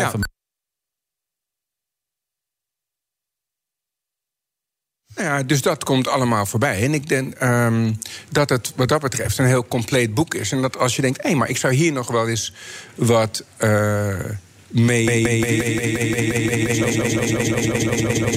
Ja, er zijn ook mensen die denken, dit kan eigenlijk niet wat hier gebeurt. Een interview met je eigen vrouw, hou dan ook een beetje Alles positief. En normaal gesproken die filijne interviewer zijn. Maar ik moet ook eerlijk zeggen, niet omdat ze ernaast zit... maar het is echt knap wat ze gemaakt heeft. Want ik, bedoel, ik ga even, het heeft anderhalf jaar tijd gekost... en thuis heeft het ook wel wat spanning opgeleverd ze nu en dan. Dat wil ik eerlijk toegeven. Ik werd ze nu dan helemaal gek van dit boek. Want het, ze was er dag en nacht mee bezig. Nou ja, maar- je wist eigenlijk niet waar ik mee bezig was. Nee, maar dan ging het weer over dit boek en dit boek. En dan heb ik Steven Pont, die heeft een column geschreven. en Erik heeft wat aangeleverd. En de Milo Soda doet mee. En dan dacht ik, ja, waar Ah, gaat ja. het allemaal over? Ja, er maar uiteindelijk, het resultaat is wel iets waarvan je kan zeggen... het is wel heel bijzonder geworden. En dat zeg ik niet omdat ze ernaast zit. Want ze weet hoe lastig en hoe moeilijk het kan zijn. En ook hoe, redelijk, hoe onredelijk het kan zijn zo nu en dan. Maar het is echt wel Nee. waar. Dat is serieus waar. Ja, Nou maar ja, het is een heel is een goed joint boek. effort ook geweest. Denk ik een. eh, eh, dus je begint niet met een boek over executieve functies. Dus dit is een, een boek dat. da- er zijn natuurlijk boeken die daarvoor zitten. Eh, en dat je daarna specialiseert op dingen die je extra wil weten. Hè. Dus als je dit boek leest en je denkt, hey, ik wil wat meer over voeding weten, Ja. dan, zijn, hè, dan ga je naar het volgende boek specifiek daarover. Dus ehm, dit is een heel eh, eh, eh, ja, generalistisch boek. Het, het, het bestrijkt het hele gebied. En daarna kun je specialiseren. Nou ja, en ik had wel behoefte om al die, al die puzzelstukjes bij elkaar te zetten. En, want dat is vaak het verhaal. Van je krijgt overal een versnipperd beeld. Maar die samenhang, dat miste ik voor mezelf. Dus als moeder miste ik de samenhang tussen voeding en opvoeding. Eh, tussen weerstand en bacteriën. Eh, tussen je eigen ballast wat je meeneemt. eh, ook, ook in een huwelijk, vanuit je eigen opvoeding. En Ja, wat geef je door aan je kind? Ja. Eh, Els-Marie van Ehrenbeemt eh, heeft een fantastische bijdrage geleverd. Dus mijn doel was ook... Ja, misschien is legacy De een stenen groot die je op woord. je weg laat liggen... daar zullen je kinderen over struikelen, zegt ze. Ja, Ja, nou ja, Els-Marie heeft prachtig... de- Ja, de, de, de Liefdesladder is natuurlijk een fantastisch boek... maar ik wilde het ook doorgeven aan de volgende generaties... die haar misschien niet kennen, maar middels zo'n boek... het overzicht hebben en ook kunnen inzoomen op al die verschillende componenten. Want de ouders voelen zich soms machteloos en niet begrepen. Ga er maar aan staan. Als je een probleem met je kind hebt... word je soms echt van het kastje naar de muur gestuurd... Eh, nou, ik heb daar zelf ervaring mee, maar ik heb heel veel ouders gesproken. Dus dit is ook dankzij heel veel verhalen van, van ouders. En ja, ik heb De Kleine Prins meegenomen, want dat vind ik een fantastisch boek. Eh, kinderen worden op school, maar ook op, plekken waar ze zijn... door hoe het systeem soms is ingericht, eh, ontmoedigd. Hè? Grote mensen begrijpen nooit iets uit zichzelf. En voor kinderen is het vervelend en altijd weer alles uit te moeten leggen. Dus ik wilde ook de niet-wetenschappelijke delen in het boek van het gevoelsleven van een kind. Want onze emoties en de manier waarop we met onze emoties omgaan... daar heb ik heel veel van geleerd, Erik. Ik zie Fred, ik zie veel Die korte lontjes, dat soort dingen. Ik- ik- je kunt mij- echt leren en groeien. Daarom heet het groeiboek voor opvoeders. Ja, mensen Wilfred denken denkt, ze is dat, echt, ze is weg dat wij hele serieuze verhalen hebben natuurlijk. Mireille ook. op deze manier. Ik zie de liefde bij Wilfred. Ik zie de liefde echt weer helemaal extra opbloeien nog. Als hij zo naar je luistert. Nou ja, het boek heeft ook ons relationeel geholpen, moet ik zeggen. Dus ik, het, er staat ook hoofdstukken over relaties in. Want dat is toch ook... Hoe vaak zie ik in jouw columns niet voorbij komen van... ja, mijn man is een narcist, of heeft geen empathie... of die vrouw is eh schizofreen, of... eh, eh, maar de waarheid ligt toch in het midden, lijkt me. Ja, nou, de- met dat narcisme is meer van dat als er gescheiden wordt, dat dan plotseling de man een narcist is en de vrouw zich niet afvraagt, maar waarom ben ik 16 jaar geleden op een narcist gevallen? Want het is echt niet zo dat plotseling na de scheiding hij een narcist was. Als hij narcist was na de scheiding. Was hij ook al een narcist voor de scheiding? En er was iets in hem dat hij jou heeft aangezet. Gelukkig heeft Wilfred daar totaal geen last van. Dat- ik van zie de kop narcist. alweer voor me. Wilfred zijn vrouw vindt hem een narcist. Dus ik, Ja, dat eh, zeg ik. Kijk, je, toch het zelf weer. Lily dat het een borderline is. Want dat is een beetje de uitwisseling. Dus en dan gaan de bladen weer zeggen dat ik rigide ben, dan is de cirkel weer rond. Ja, ik vind het gesprek nu echt pas de goede kant op gaan. Ja, nee, nu, worden we, nu moeten we waarschijnlijk ophouden. Nu Nou ja, kijk, ik zijn. bedoel, normaal gesproken, als je niet mijn vrouw was geweest, had ik gevraagd: vind je jezelf een goede moeder? Vind ik een mooie vraag. Ik heb tegen jou. Jij had de biologische klok, hè? Want jij wilde heel graag kinderen. En ik wist niet wat ik eraan toe was. Ik vind dat je rijp moet zijn als je iets aangaat. Daarom heb ik het het jaar van de Multatuli. Hè? Die Multatuli vroeg ook aan die vriend Ornus van. Wat kun je voor me, nu, nee, maar kun je voor mijn vogel zorgen? En toen, zei, toen hij zei: Ik heb helemaal geen verstand van vogels, zei hij ook: Laat maar zitten. Ik vind wat, wat Steven ook zegt: Het is een verantwoordelijkheid. En daar moet je niet te licht over denken. Eh, maar ik, ik had heel veel vertrouwen in jou als man. Want er waren wel wat mannen voorbij gekomen waar ik aan twijfelde. En dacht, nou, dit, wordt hem niet. naartoe, jongens? Niet dat ik een relatie met ze aanging, maar... Jij hebt de leiding, Maar dat weet je ik, toch? ben, ik was geen geboren thuis, moeder. Ik zei, ik haal het soms uit de boeken. Maar uiteindelijk bleef ik, bleek ik wel meer een moederkloek te zijn dan... Maar ja, wat vind je van mij als moeder? Want het is heel raar om het over jezelf te zeggen. Dat weet je niet. Ja, Heel goed, je hoort wel eens heel wat van je kinderen, maar... Wilfred, graag je antwoord. Ik ben niet de Verlossende- interviewer in deze. verlossende nee, antwoord. Ze vroeg jou iets. Ze vroeg is een hele goede moeder. Ik bedoel, eh, dat Er is... gaat zo'n knop en dan zak je zo Nee, maar door het is, de heel grappig voor, het is heel grappig voor iemand die eigenlijk nooit over kinderen heeft nagedacht. En eigenlijk ook eh, niet bezig was met kinderen. Eigenlijk misschien ook wel geen kinderen wilde. Die uiteindelijk kinderen krijgt. En er dan zo op anticipeert. Dat, dat is echt heel knap. Hoe ben ik als vader dan? Ja, ik vind jou echt een fantastische Oh vader. dat, dat, dat, dat meen ik weg. Soms iets meer geduld. Eh, met, met thuisonderwijs, dat, dat was wel af en toe. Hij is natuurlijk een snelle denker, dat weten we, Erik. Dus dan, het is ook, en dan om terug te schalen, maar ook dat pak je op. Ik, ik weet het niet, ja. Ik heb weinig klachten op het moment. Ik kan me voorstellen. Misschien komt het door het Ja. boek, hè? We zijn allebei gegroeid. Op het moment ook, hè? Zouden nou mensen van de auto langs de weg zitten en even een teltje moeten zoeken om even over de, over de vangrail gewoon even Ik zo. denk hè? wel dat een aantal mensen huilen in de auto van, van emotie. Ja, maar het is, het is een serieus onderwerp. Want kijk naar de jeugdzorg, kijk naar alles wat misgaat rondom kinderen. Nou, ik lees dat in de lockdown dat de kinderen gemiddeld 5 kilo zwaarder zijn geworden, bijvoorbeeld. Dus hè? Zijn Nou dingen ja, om zorgen dat niet alleen, maken. maar er zijn, je moeten wel zorgen maken over kinderen in deze periode. Over meer angst, meer eh, somberheid, eh, meer op zichzelf zijn. Hè. Dus het is echt zorgelijk wat er nu plaatsvindt door die hele periode. Zeker. Nou, Erik en ik waren laatst bij Paleis Soestdijk voor de lancering van het boek. En ik vind het fantastisch dat eh, we zijn, dat weet je ook, Wilfred, met de sportkantines heel veel partijen langs gegaan. En dan vind ik het mooi dat er nu partijen opstaan en die zeggen: ja, dit is belangrijk. We gaan een verrijkte omgeving neerzetten. Dat we er niet alleen maar over schrijven. eh, maar ook het laten zien en doen en, en, en, en beleven. Nou, Daan Rozengaarde is ook zo iemand die een doener die, die fantastische dingen met licht doet en kinderen. Dus ja, Ze willen altijd zoveel Ja. vertellen erbij. Dat merk je wel. Ze heeft ook nog een jawel, maar erbij ik vergeet altijd enzovoort. mensen ook te bedanken en zo. Want dit doe je echt niet alleen. Dat is onmogelijk. En dat is Vertel dan nog heel even iets over Diana Smits. Want die had een haar bijdrage hier. Nou, Diana is ook een soort, ja, is eigenlijk een vriendin van me geworden tijdens het schrijven van het boek. Eh, zij heeft mij uitgelegd wat executieve functies zijn. Dat zijn doelfuncties. Plannen, eh, allerlei dingen kun je ook thuis met je kinderen oefenen. Door te koken, samen een trein te pakken. En vaak denken mensen dat die kinderen al heel snel van alles moeten. Maar je hebt een rijpingstijd nodig, Erik. Van 25 jaar. Dus je moet ergens rijp voor zijn. Ik word wel eens gevraagd, vroeger werd ik gevraagd... kan ik een jong meisje van 16 coachen? En toen had ik mijn eigen ballast, mijn stenen niet opgeruimd. Dus ik dacht, nee, nu niet. Maar nu durf ik het wel aan. En Diana is, heeft echt ook heel veel meegewerkt aan executieve functies, zelfsturing. Al die dingen, wat kun je als ouder doen en wat kun je als school doen? Want dat, het is altijd van de ouders tegen leraren. Maar als je elkaar beter leert kennen, gaat het uiteindelijk om het kind. En dat gebeurt steeds meer bij scholen. Je zou er een en dat is dankzij Diana Smit. Serieus. Maar ben je, Prachtige ooit, vrouw. ben je ooit uitgeschreven, Steven, over het opvoeden van kinderen? Ehm, nee, sterker nog, ik ben nu met een boek bezig dat heet Gezin van, op, eh, gezin van Herkomst. Ja. Eh, en daarna zal het wel. Ik schrijf heel graag, dus daarna. Ik denk niet dat, dat ik ooit dat eh zal toch? stoppen. Nee. Nee, maar het is een goede basis als je ook dit boek leest, dat je er iets Zeker, mee kan. Maar bijvoorbeeld. Hè? Dus de eerste stappen daarin Eh, en daarin is het een heel compleet boek. Ja. En daarna pakken we jouw boek erbij en dan gaan we het pas echt eh, snappen hoe het allemaal moet, toch?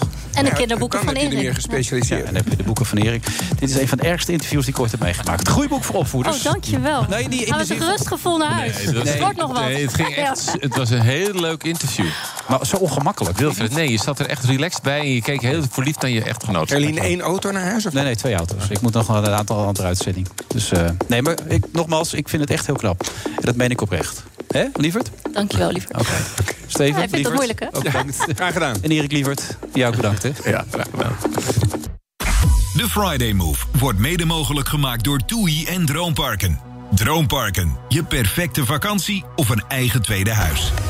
BNR Nieuwsradio. The Friday Move. Men heeft behoefte ehm, aan een perspectief. En dat gaat zich gewoon vertalen tot een derde golf. Is the message I want the world to hear today. America is back. Wilfred Gené. Richard de Mos schreef een biografie Mijn Verhaal. Hij schuift u aan in deze uitzending van The Friday Move.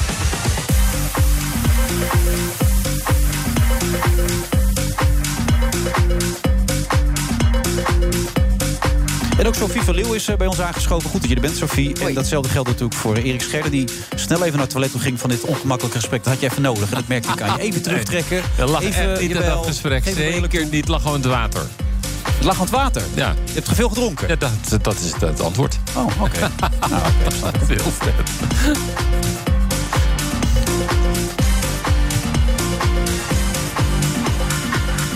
Was dat het meest ongemakkelijke moment dat jij met je vrouw hebt gehad dan, eh, Erik?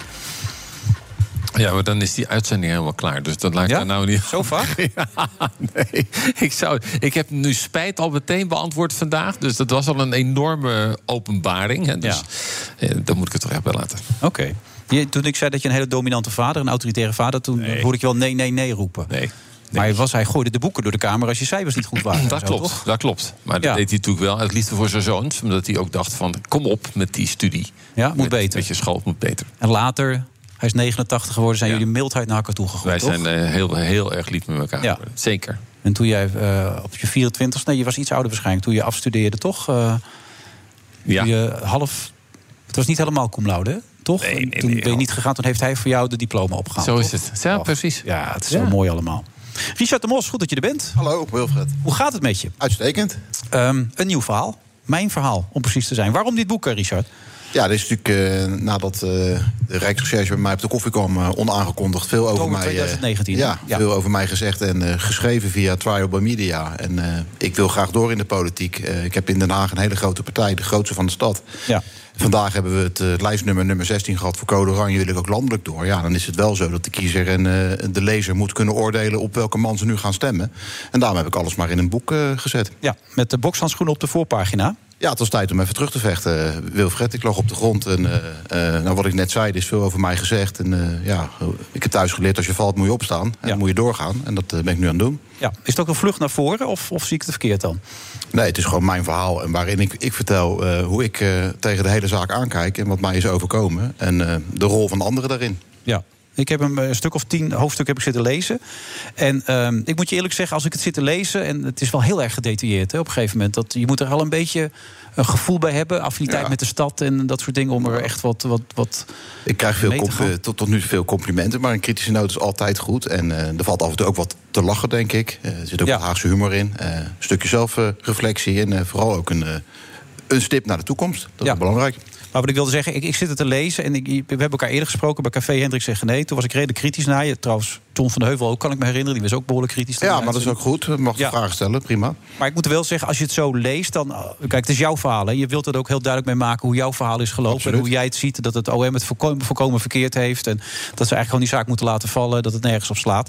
Eh, Er zitten natuurlijk wel momentjes in dat je denkt van ja, als je het zo leest, dan is het inderdaad wel heel opmerkelijk. Want de kans is groot dat jij anders waarnemend burgemeester was geworden, toch? Bijvoorbeeld. Ja, in de, was, in de zaak eh, met, Paulien Krikke. die weg Absoluut. Ik was eh, eerste lokale burgemeester in Den Haag. En we hadden in Den Haag een boodschap van hoop en optimisme. Eh, wat ik zeg, mijn partij de grootste van de stad. Dat niemand had verwacht dat we gingen besturen. Maar ik heb van Hans Wiegel geleerd dat je elkaar wat moet gunnen in, het, in de politiek. Dat deden we, want mijn partij werkte samen met GroenLinks, de VVD en D66. Nou, eh, GroenLinks en D66 niet per, per definitie partijen waar ik mee zal samenwerken. Ging eigenlijk allemaal prima.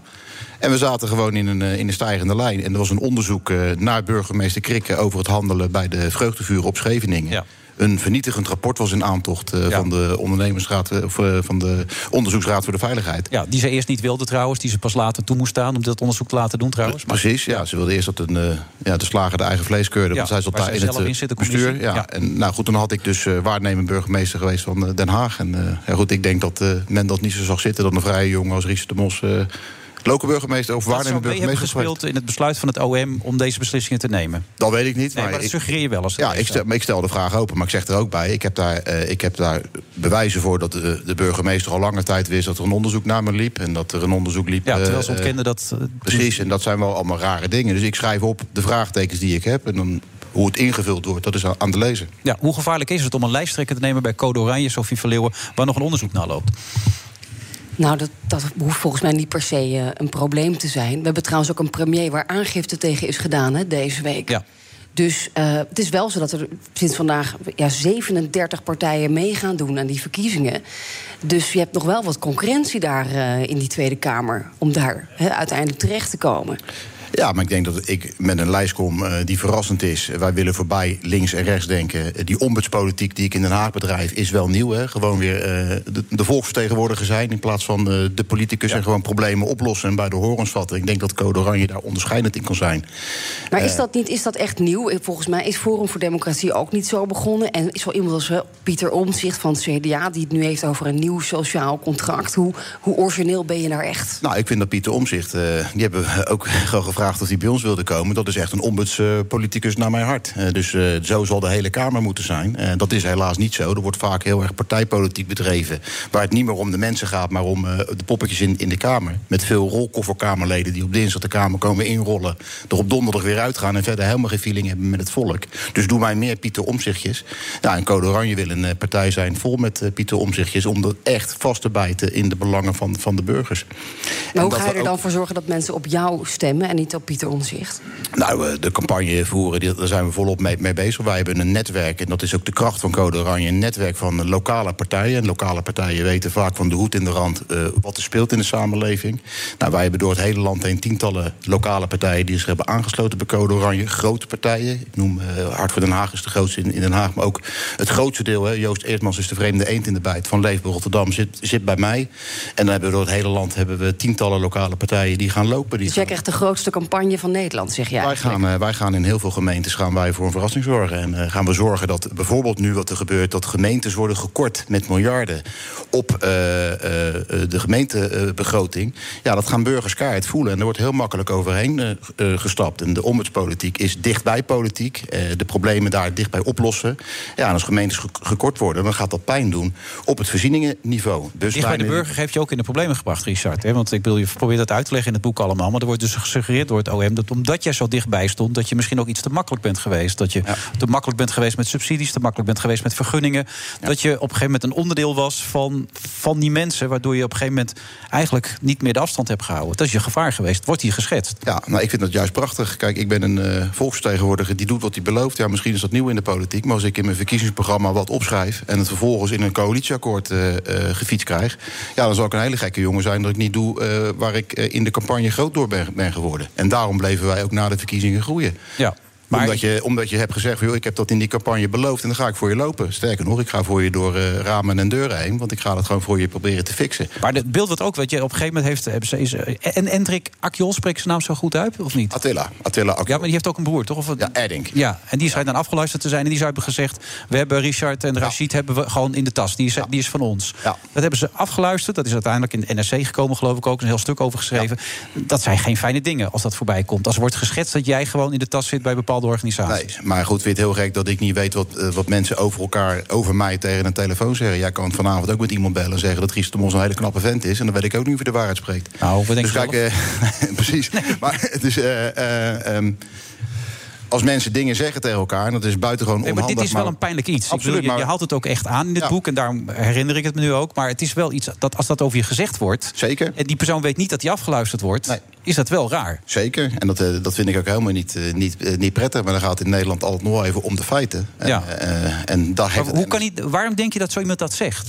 Terwijl hij afgeluisterd wordt en het niet weet. Ja, hij is eh, natuurlijk, eh, zijn, zijn broer is eh, partijlid bij mij, is bij mij een grote donateur. Misschien heeft hij naar vrienden stoer willen doen. Dat is ook wat hij verklaart. Ja, is een van de mensen die een nachtvergunning heeft gekregen... waar ook zoveel discussie over is Zeker, geweest. Hè? Die broer, die Attila. Ja. Zeker.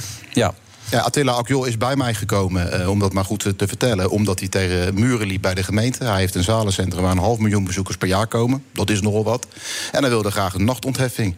Hij zegt, nou, dat eh, is geen partij die dat wil. Ik zeg, nou, wij willen meer reuring in Den Haag. Want Den Haag is voor jongeren een behoorlijke slaapstad. Zo, eh, zo dynamisch Amsterdam is, zo saai is Den Haag... als je s'nachts uit wil gaan. Maar je hebt me dit verhaal eerder uitgelegd. En Toen, toen begreep ik het ook. En ik snap ook waar het vandaan komt. En als ik het lees, snap ik ook waar het vandaan komt. Maar het gaat ook om beeldvorming in de politiek. Sowieso in de maatschappij. Ik weet het als geen ander. Dus beeldvorming is heel belangrijk in deze. Nou wordt de lijsttrekker van een nieuwe partij in Nederland...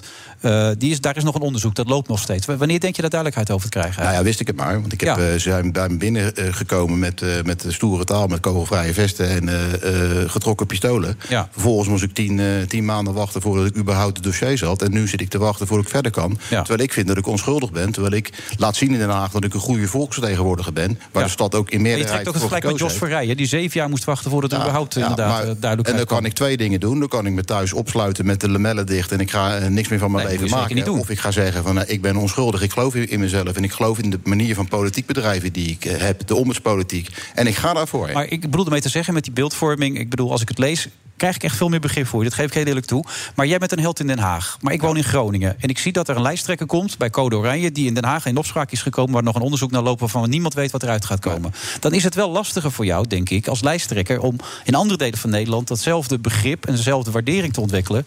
dat dan in Den Haag het geval is. Hoe, hoe wil je dat gaan doen dan? Dat is een terechte vraag. Gelukkig hebben we in, toevallig in Groningen al een eh, statenlid... wat zich bij ons heeft aangesloten. Hebben daar lokale partijen die hebben gezegd van... Hey, hoe de MOS eh, politiek bedrijft in Den Haag... zo doen wij het in, eh, in Groningen ook.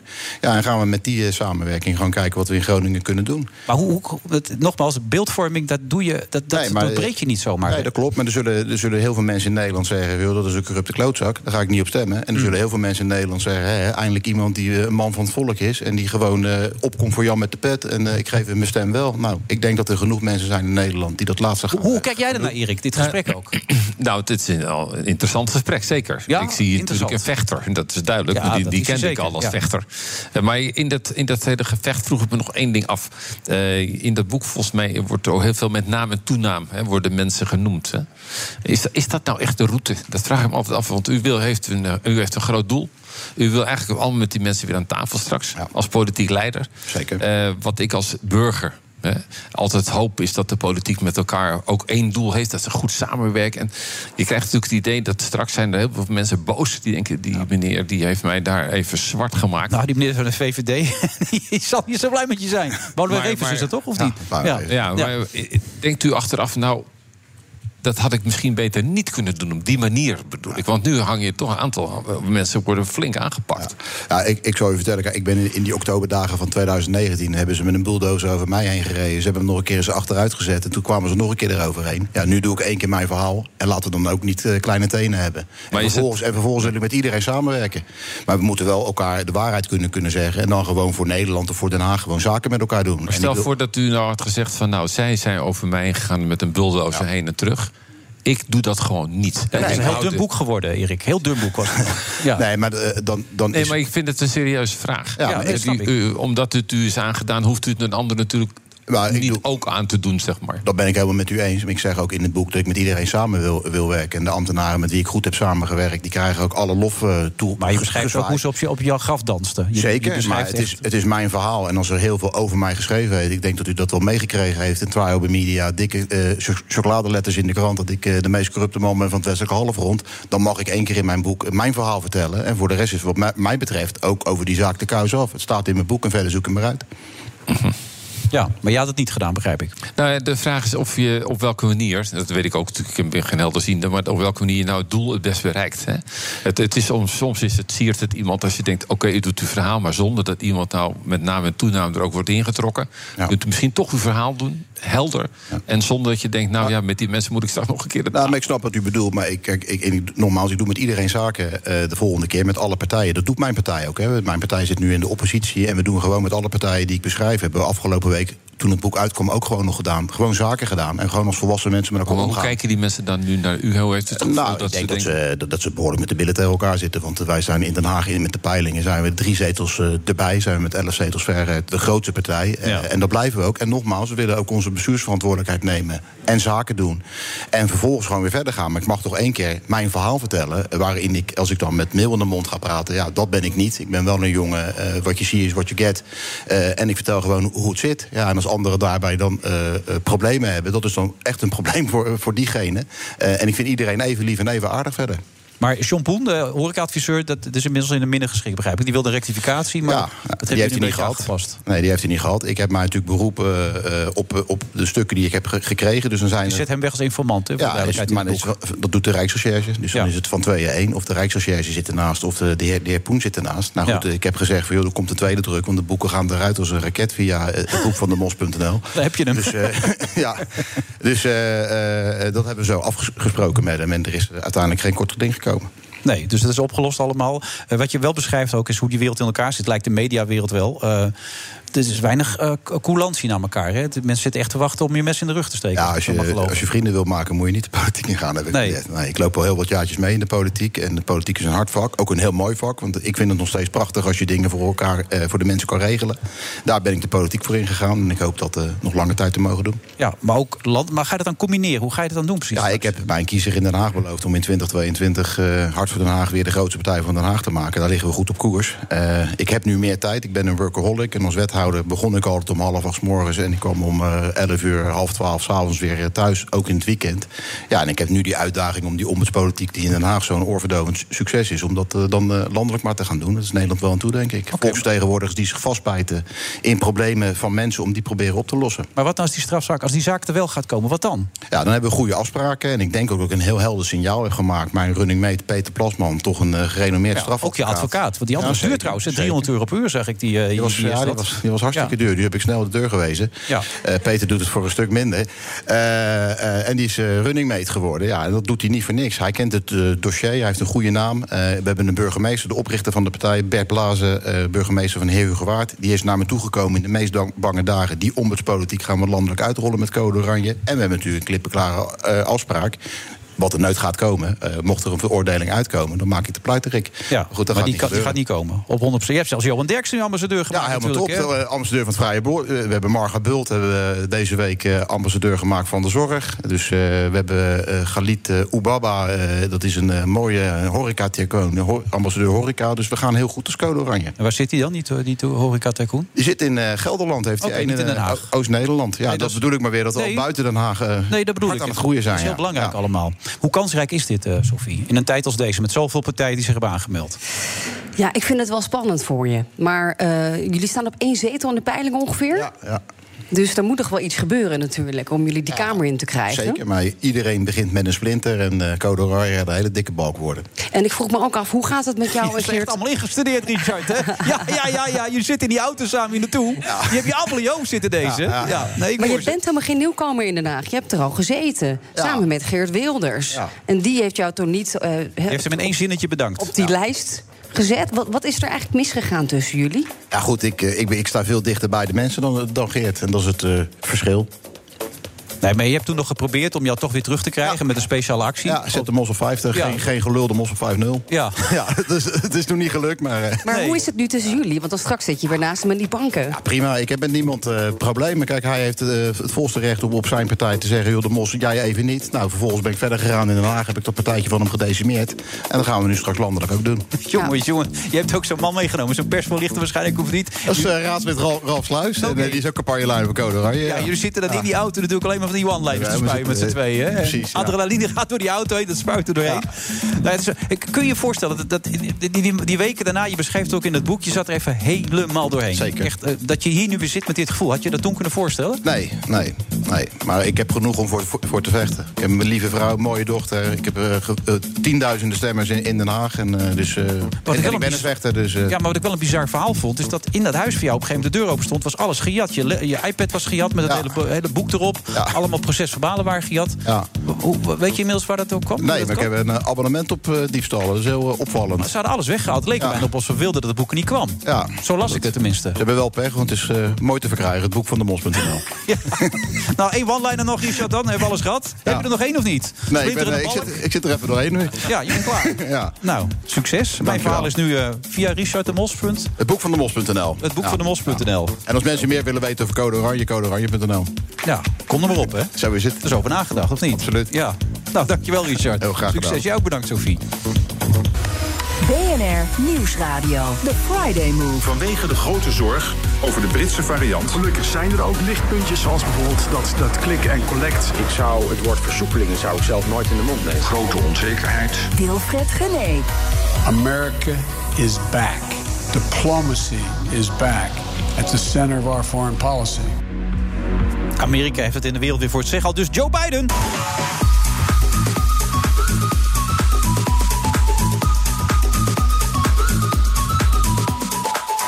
vrijdag 5 februari. Uh, we zitten nog steeds in Delphine. Het blijft ook als je een hele uitzending daarin begint... moet je er ook in eindigen, vind ik eigenlijk. Erik Scherder is nog steeds aanwezig. En hetzelfde geldt voor Bernard Hammelburg. Bernard, hartelijk welkom. Fijn er te zijn. Fijn, hè? Altijd weer. Ziek aan, ja.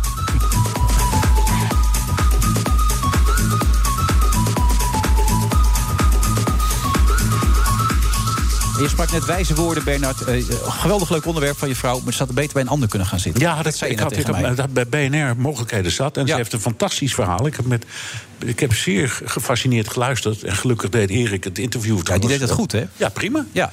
Maar ik vind het niet zo'n goed idee gewoon om uh, zo samen. Het, het, geeft iets ongemakkelijks. En als, als, jij het zelf voelt, dan voel ik het als luisteraar ook. ja. zo, zo werkt het. Ja, zo werkt dat, ja, Erik. Ja, nee, je zei het ook wel. Maar uh, het, het, ik vond het gesprek ook precies verwerkt. Ja, ja, dat was superleuk. Ja. Maar dat kwam door jou. Wat was jij goed, zeg. En, en, en, en ik keek ook wel naar jou steeds hoe je toch met liefde naar je eigen vrouw keek. Dat vond ik echt belangrijk. Joe Biden, wat vond je van de speech, Bernard? Nou, ik vond, ik, ik vond het wel fascinerend en ik, indrukwekkend. Een paar dingen die me opvielen. Hij was hij deed het niet vanaf het Witte Huis, maar hij was naar het State Department gaan, ministerie van Buitenlandse Zaken, waarmee hij het signaal gaf. Ik wil, het, hij, hij benoemde het ook hoor, ik wil de diplomatie weer, weer herstellen. Herstellen, moet ik zeggen.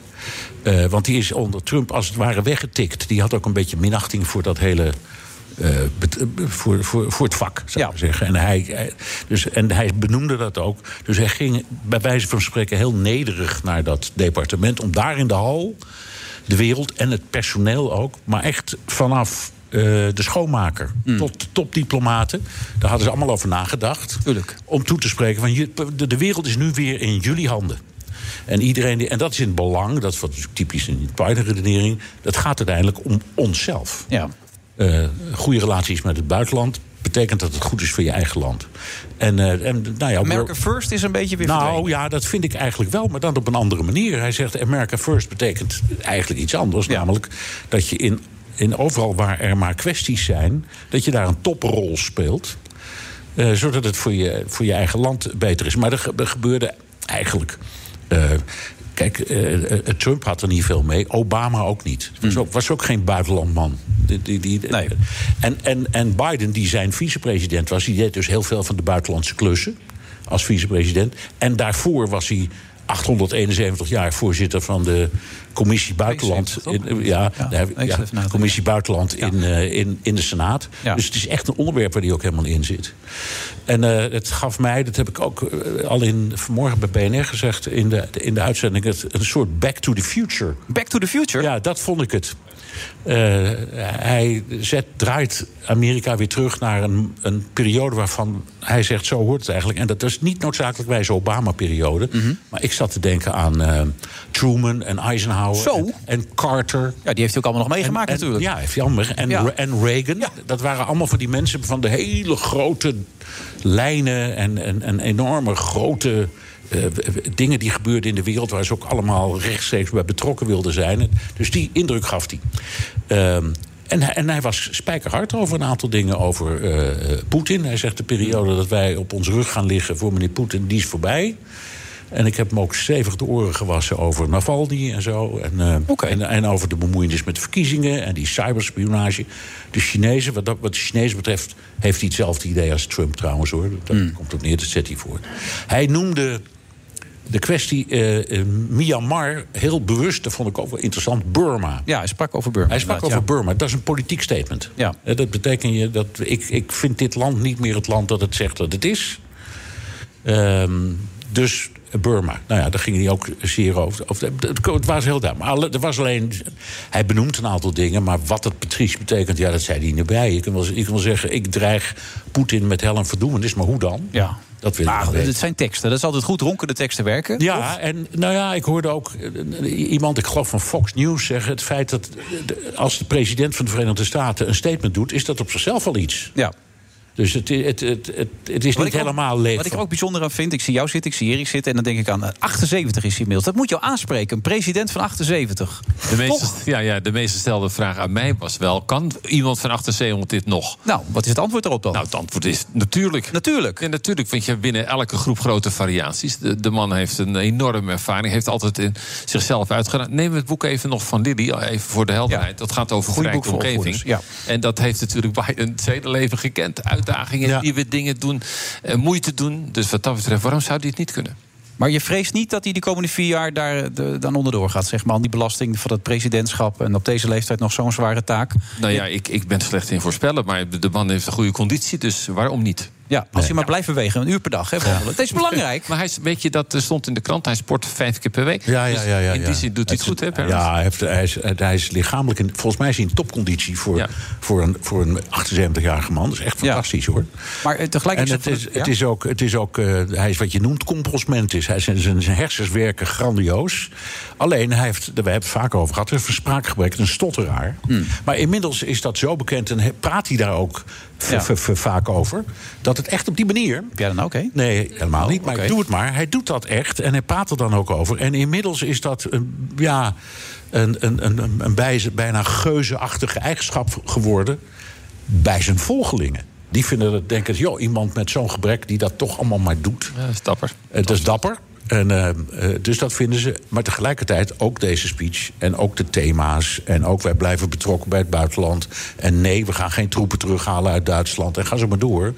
Dat valt natuurlijk bij de helft van de bevolking. Namelijk degenen die op Trump hebben gestemd. Allemaal buitengewoon slecht. Ja. Dat wil ik ook bij zeggen. Maar ja, ik, ik zag inderdaad van Huis van de Week ook. Het is een behoorlijk zware opgave om het land weer een beetje bij elkaar te krijgen. Ja, dat is, het allemaal geloven. dat is verschrikkelijk. Ja, want hoe gaat hij dat moeten doen? dan? Nou ja, hij heeft net nu, op dit moment, net heeft de, vannacht, vanmorgen, heeft de Senaat gestemd over dat eh, herstelplan Mhm. van 1900 miljard dollar. Ja. Waarvan de Republikeinen zeiden dat is een toefje te veel. Dus die wilden onderhandelen, maar is uiteindelijk niet gelukt. Dus ze hebben gestemd voor het eerst. Ehm, zoals we steeds hebben voorspeld, met alle senatoren. Waarbij eh, Kamala Harris de doorslag moest geven als 51ste democraat. En dat deed ze. Nu gaat het is ietsje anders dan het, dan het in, de, in het Huis van Afgevaardigden was. Dus nu moet het weer terug naar het Huis. Want, want ze moeten altijd dezelfde tekst uiteindelijk goedkeuren. Maar daarmee heeft hij wel echt een. Daar, dit is echt de grote eerste stempel die hij zet. Ehm, hij heeft dat ook gezegd. Het belangrijkste is het oplossen van de pandemie, het herstel van de economie. Eh, het zorgen dat mensen een beetje fatsoenlijk eh, extra uitkeringetje krijgen. En, dat- en hij Maar heb, je, heb je hoop? Heb je de verwachting dat misschien die hele achterban van Trump, die Republikeinse, nogal uitgesproken menigte, zich een beetje zal keren naar hem toe op een gegeven moment? Dat ze een beetje. Nee, daar geloof ik niks van. Het grote probleem bij de, bij de Republikeinen is dat ze zelf een, die hebben een richtingenstrijd. Ja. Even los van Trump, je hebt het Trumpisme. Ja. Dus zijn filosofie. En die zit in een heel groot deel van die partij verankerd. En je hebt de wat meer, ik zal maar zeggen, ouderwets liberale flank. Eh, en die zijn met elkaar in gevecht. En de vraag is wat daaruit komt. Kan Ja. niet voorspellen. Geen Nee. idee. Nee, maar dan kom je wel weer terug volgende week om daar wel weer over te Ja, ja, ja, misschien, toch? Is belangrijk. Ja. Want je vroeg net aan hem hoe lang die al in het vak zat, hè? Dat Ja, hoorde ik ja, even tussendoor. Ja, ja, dit, eh, Bernard is voor mij echt een, eh, een monument, een fenomeen. Icoon. Ja, een icoon, Zo, zo, ja, zo. ja. Ja. Ja. Mag ik zeggen, toch? Dat mag je zeker Het zeggen. is zo namelijk. Ja. Ja, toen- ik, ik weet niet beter over Bernard Hammelburg. Ja, maar jij bent ook fan van Erik, toch, eh, Bernard? Jazeker. Ja, nee, dan zijn we bovendien, hij, hij houdt ook lekker vol. En daar hou ik van. Ja, zeker weten. Geen, geen gezeur. over Gewoon doorgaan. Gewoon doorgaan. Dat zei Barry Stevens ook. Dankjewel, Dag, Bernard. Bernard. Dankjewel.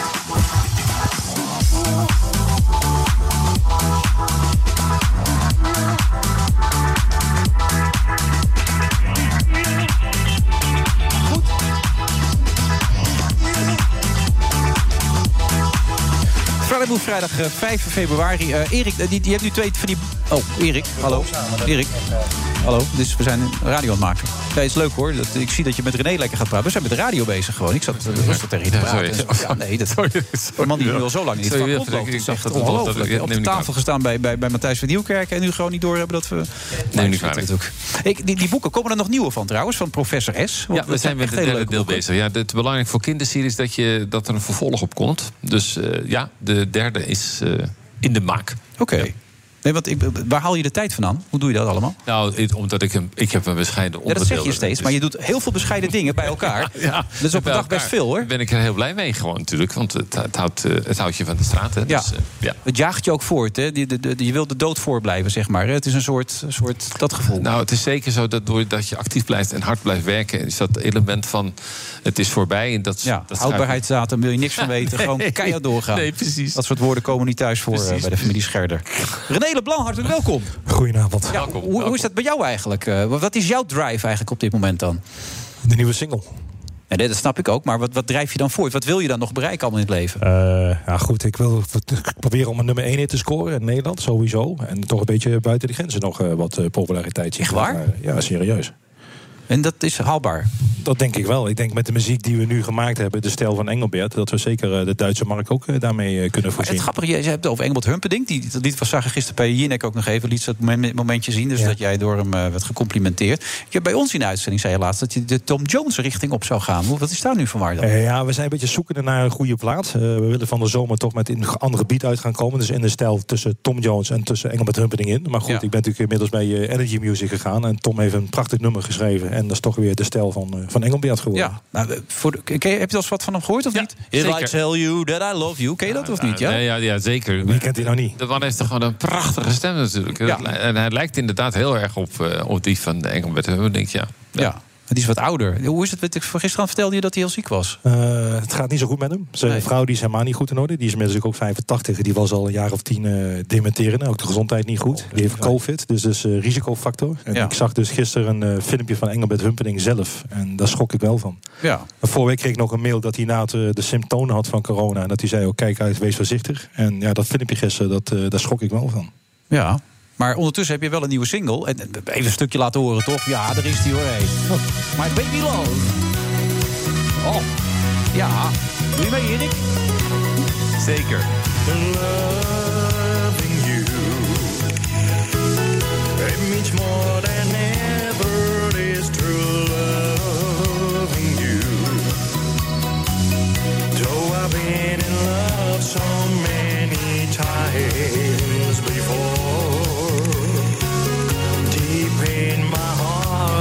naar de muziekkinderen nou. Hè? Want jij, jij hebt een boek geschreven ook, hè? Singing in the Brain. Ja, maar nou, het, het leuke is, als ik daar nog iets over mag zeggen, Wilfred. Daar ben je voor. Ja, ja, ja, ja. Dat is zo leuk dat je hier bent ook. Ja, maar ik vind het ook leuk om dat, om dat te, te vragen. Maar eh, als je denkt aan Engelbert Humperdinck... heb je ook een beetje een nostalgisch gevoel. Dat zou je dat kunnen zeker, zeggen. Dat is natuurlijk uit onze jeugd vandaan. was ook grootheid. En eh, er blijkt uit studies in dat, in dat hele coronajaar... in allerlei landen, heeft men gekeken via Spotify... waar heeft men nou voor gekozen in dat jaar? In dit afgelopen Ja. En wat blijkt? Nou? Heel veel nostalgische muziek. Echt waar? Ja. Oké. En, en, Oh, hij zit en- goed dus, die, eh, die René. nou, Ja. ik laat ik zeggen, los van het feit dat de man een fantastische stem heeft en een enorme performance. Maar het feit dat dat kan een rol hebben gespeeld. Dat mensen Ja. denken: oh, wat heerlijk. Ik hoor weer gewoon. Het doet me weer terug.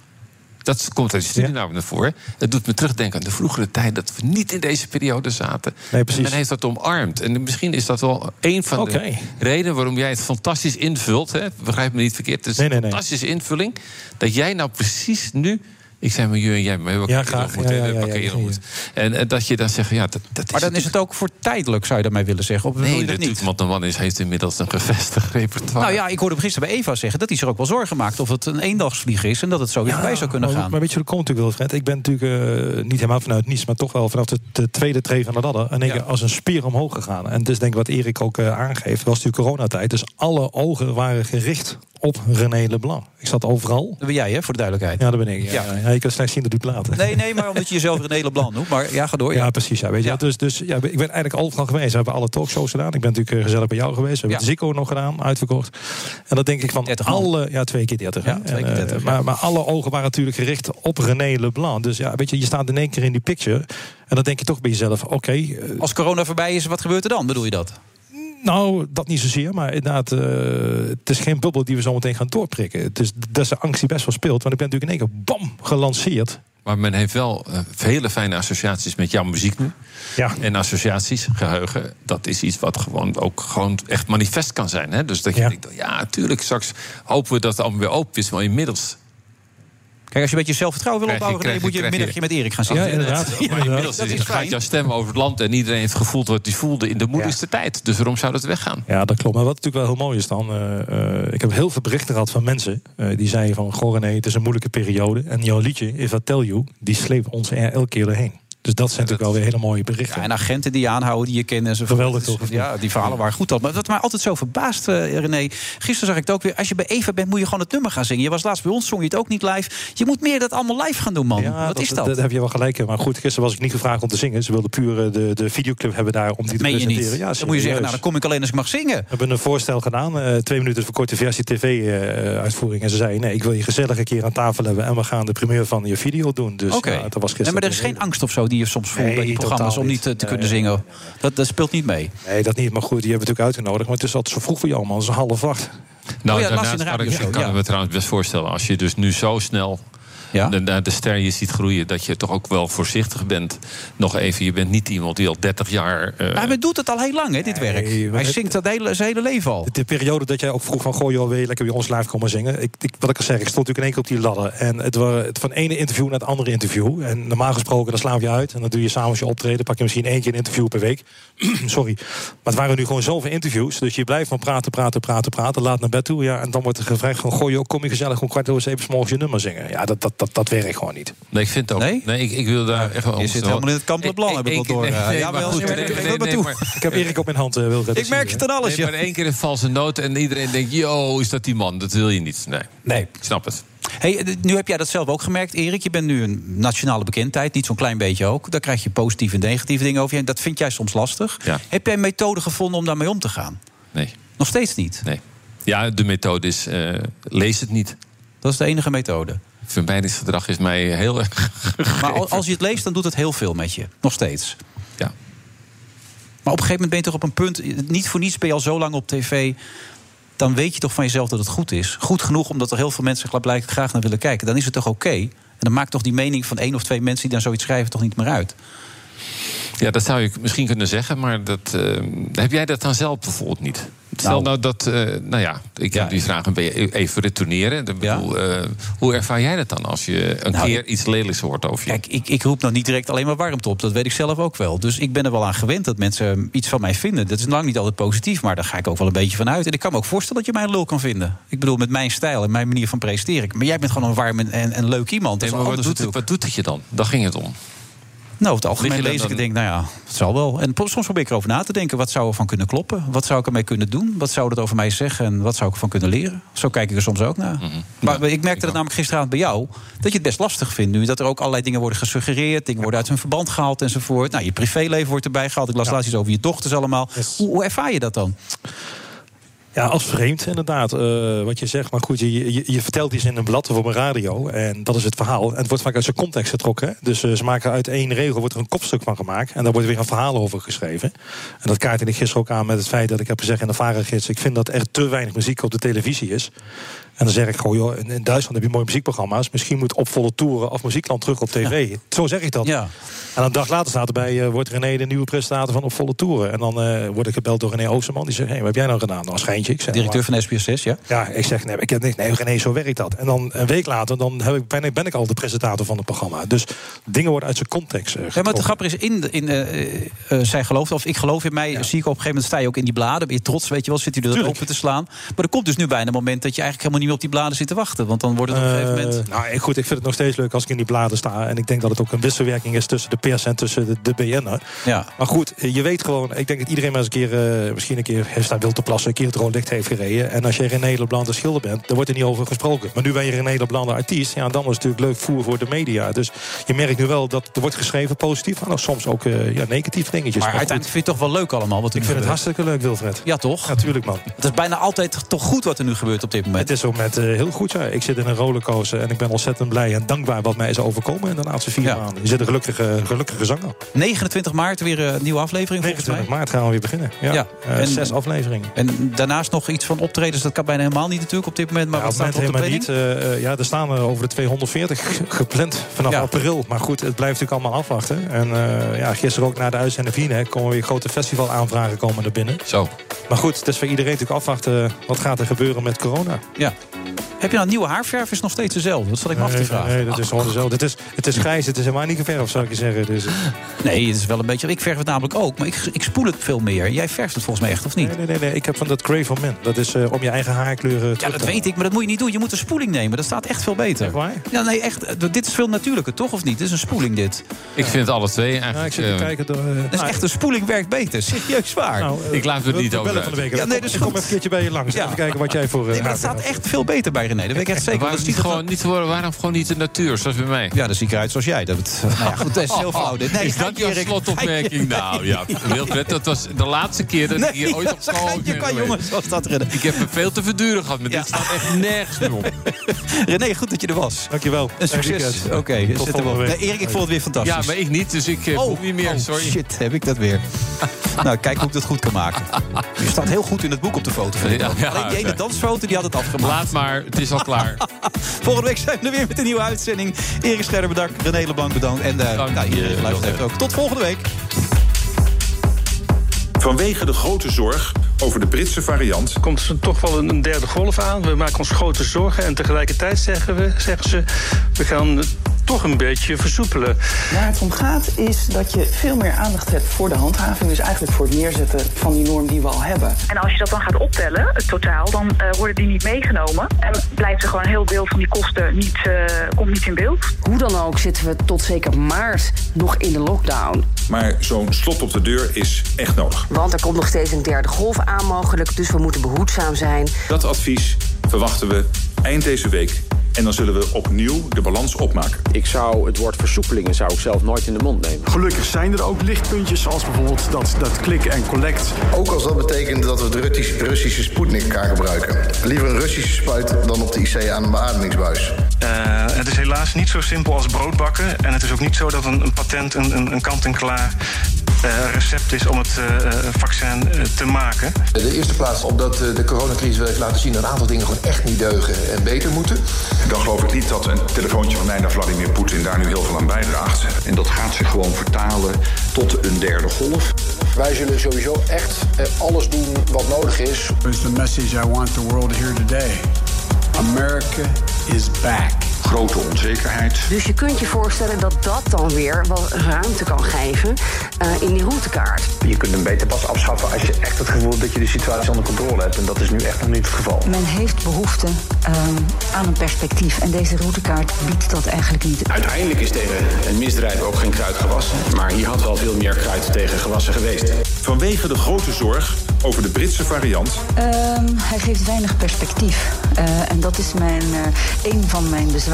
Dan geloof ik niet dat een telefoontje van mij naar Vladimir Poetin daar nu heel veel aan bijdraagt. De Friday Move wordt mede mogelijk gemaakt door Droomparken en TUI. Discover your. Je hebt aardig wat vermogen opgebouwd. En daar zit je dan, met je ton op de bank. Wel een beetje saai, hè? Wil jij, als belegger, onderdeel zijn van het verleden of van de toekomst? Bridgefund is een slimme fintech die een brug slaat tussen de financiële behoeften van ondernemers en van beleggers. Dus wie belegt bij Bridgefund krijgt niet alleen een mooie vaste rente, maar brengt ook ondernemers in beweging. Echt waar, met die ton kan je zoveel betere dingen doen. Bridgefund. Make money smile.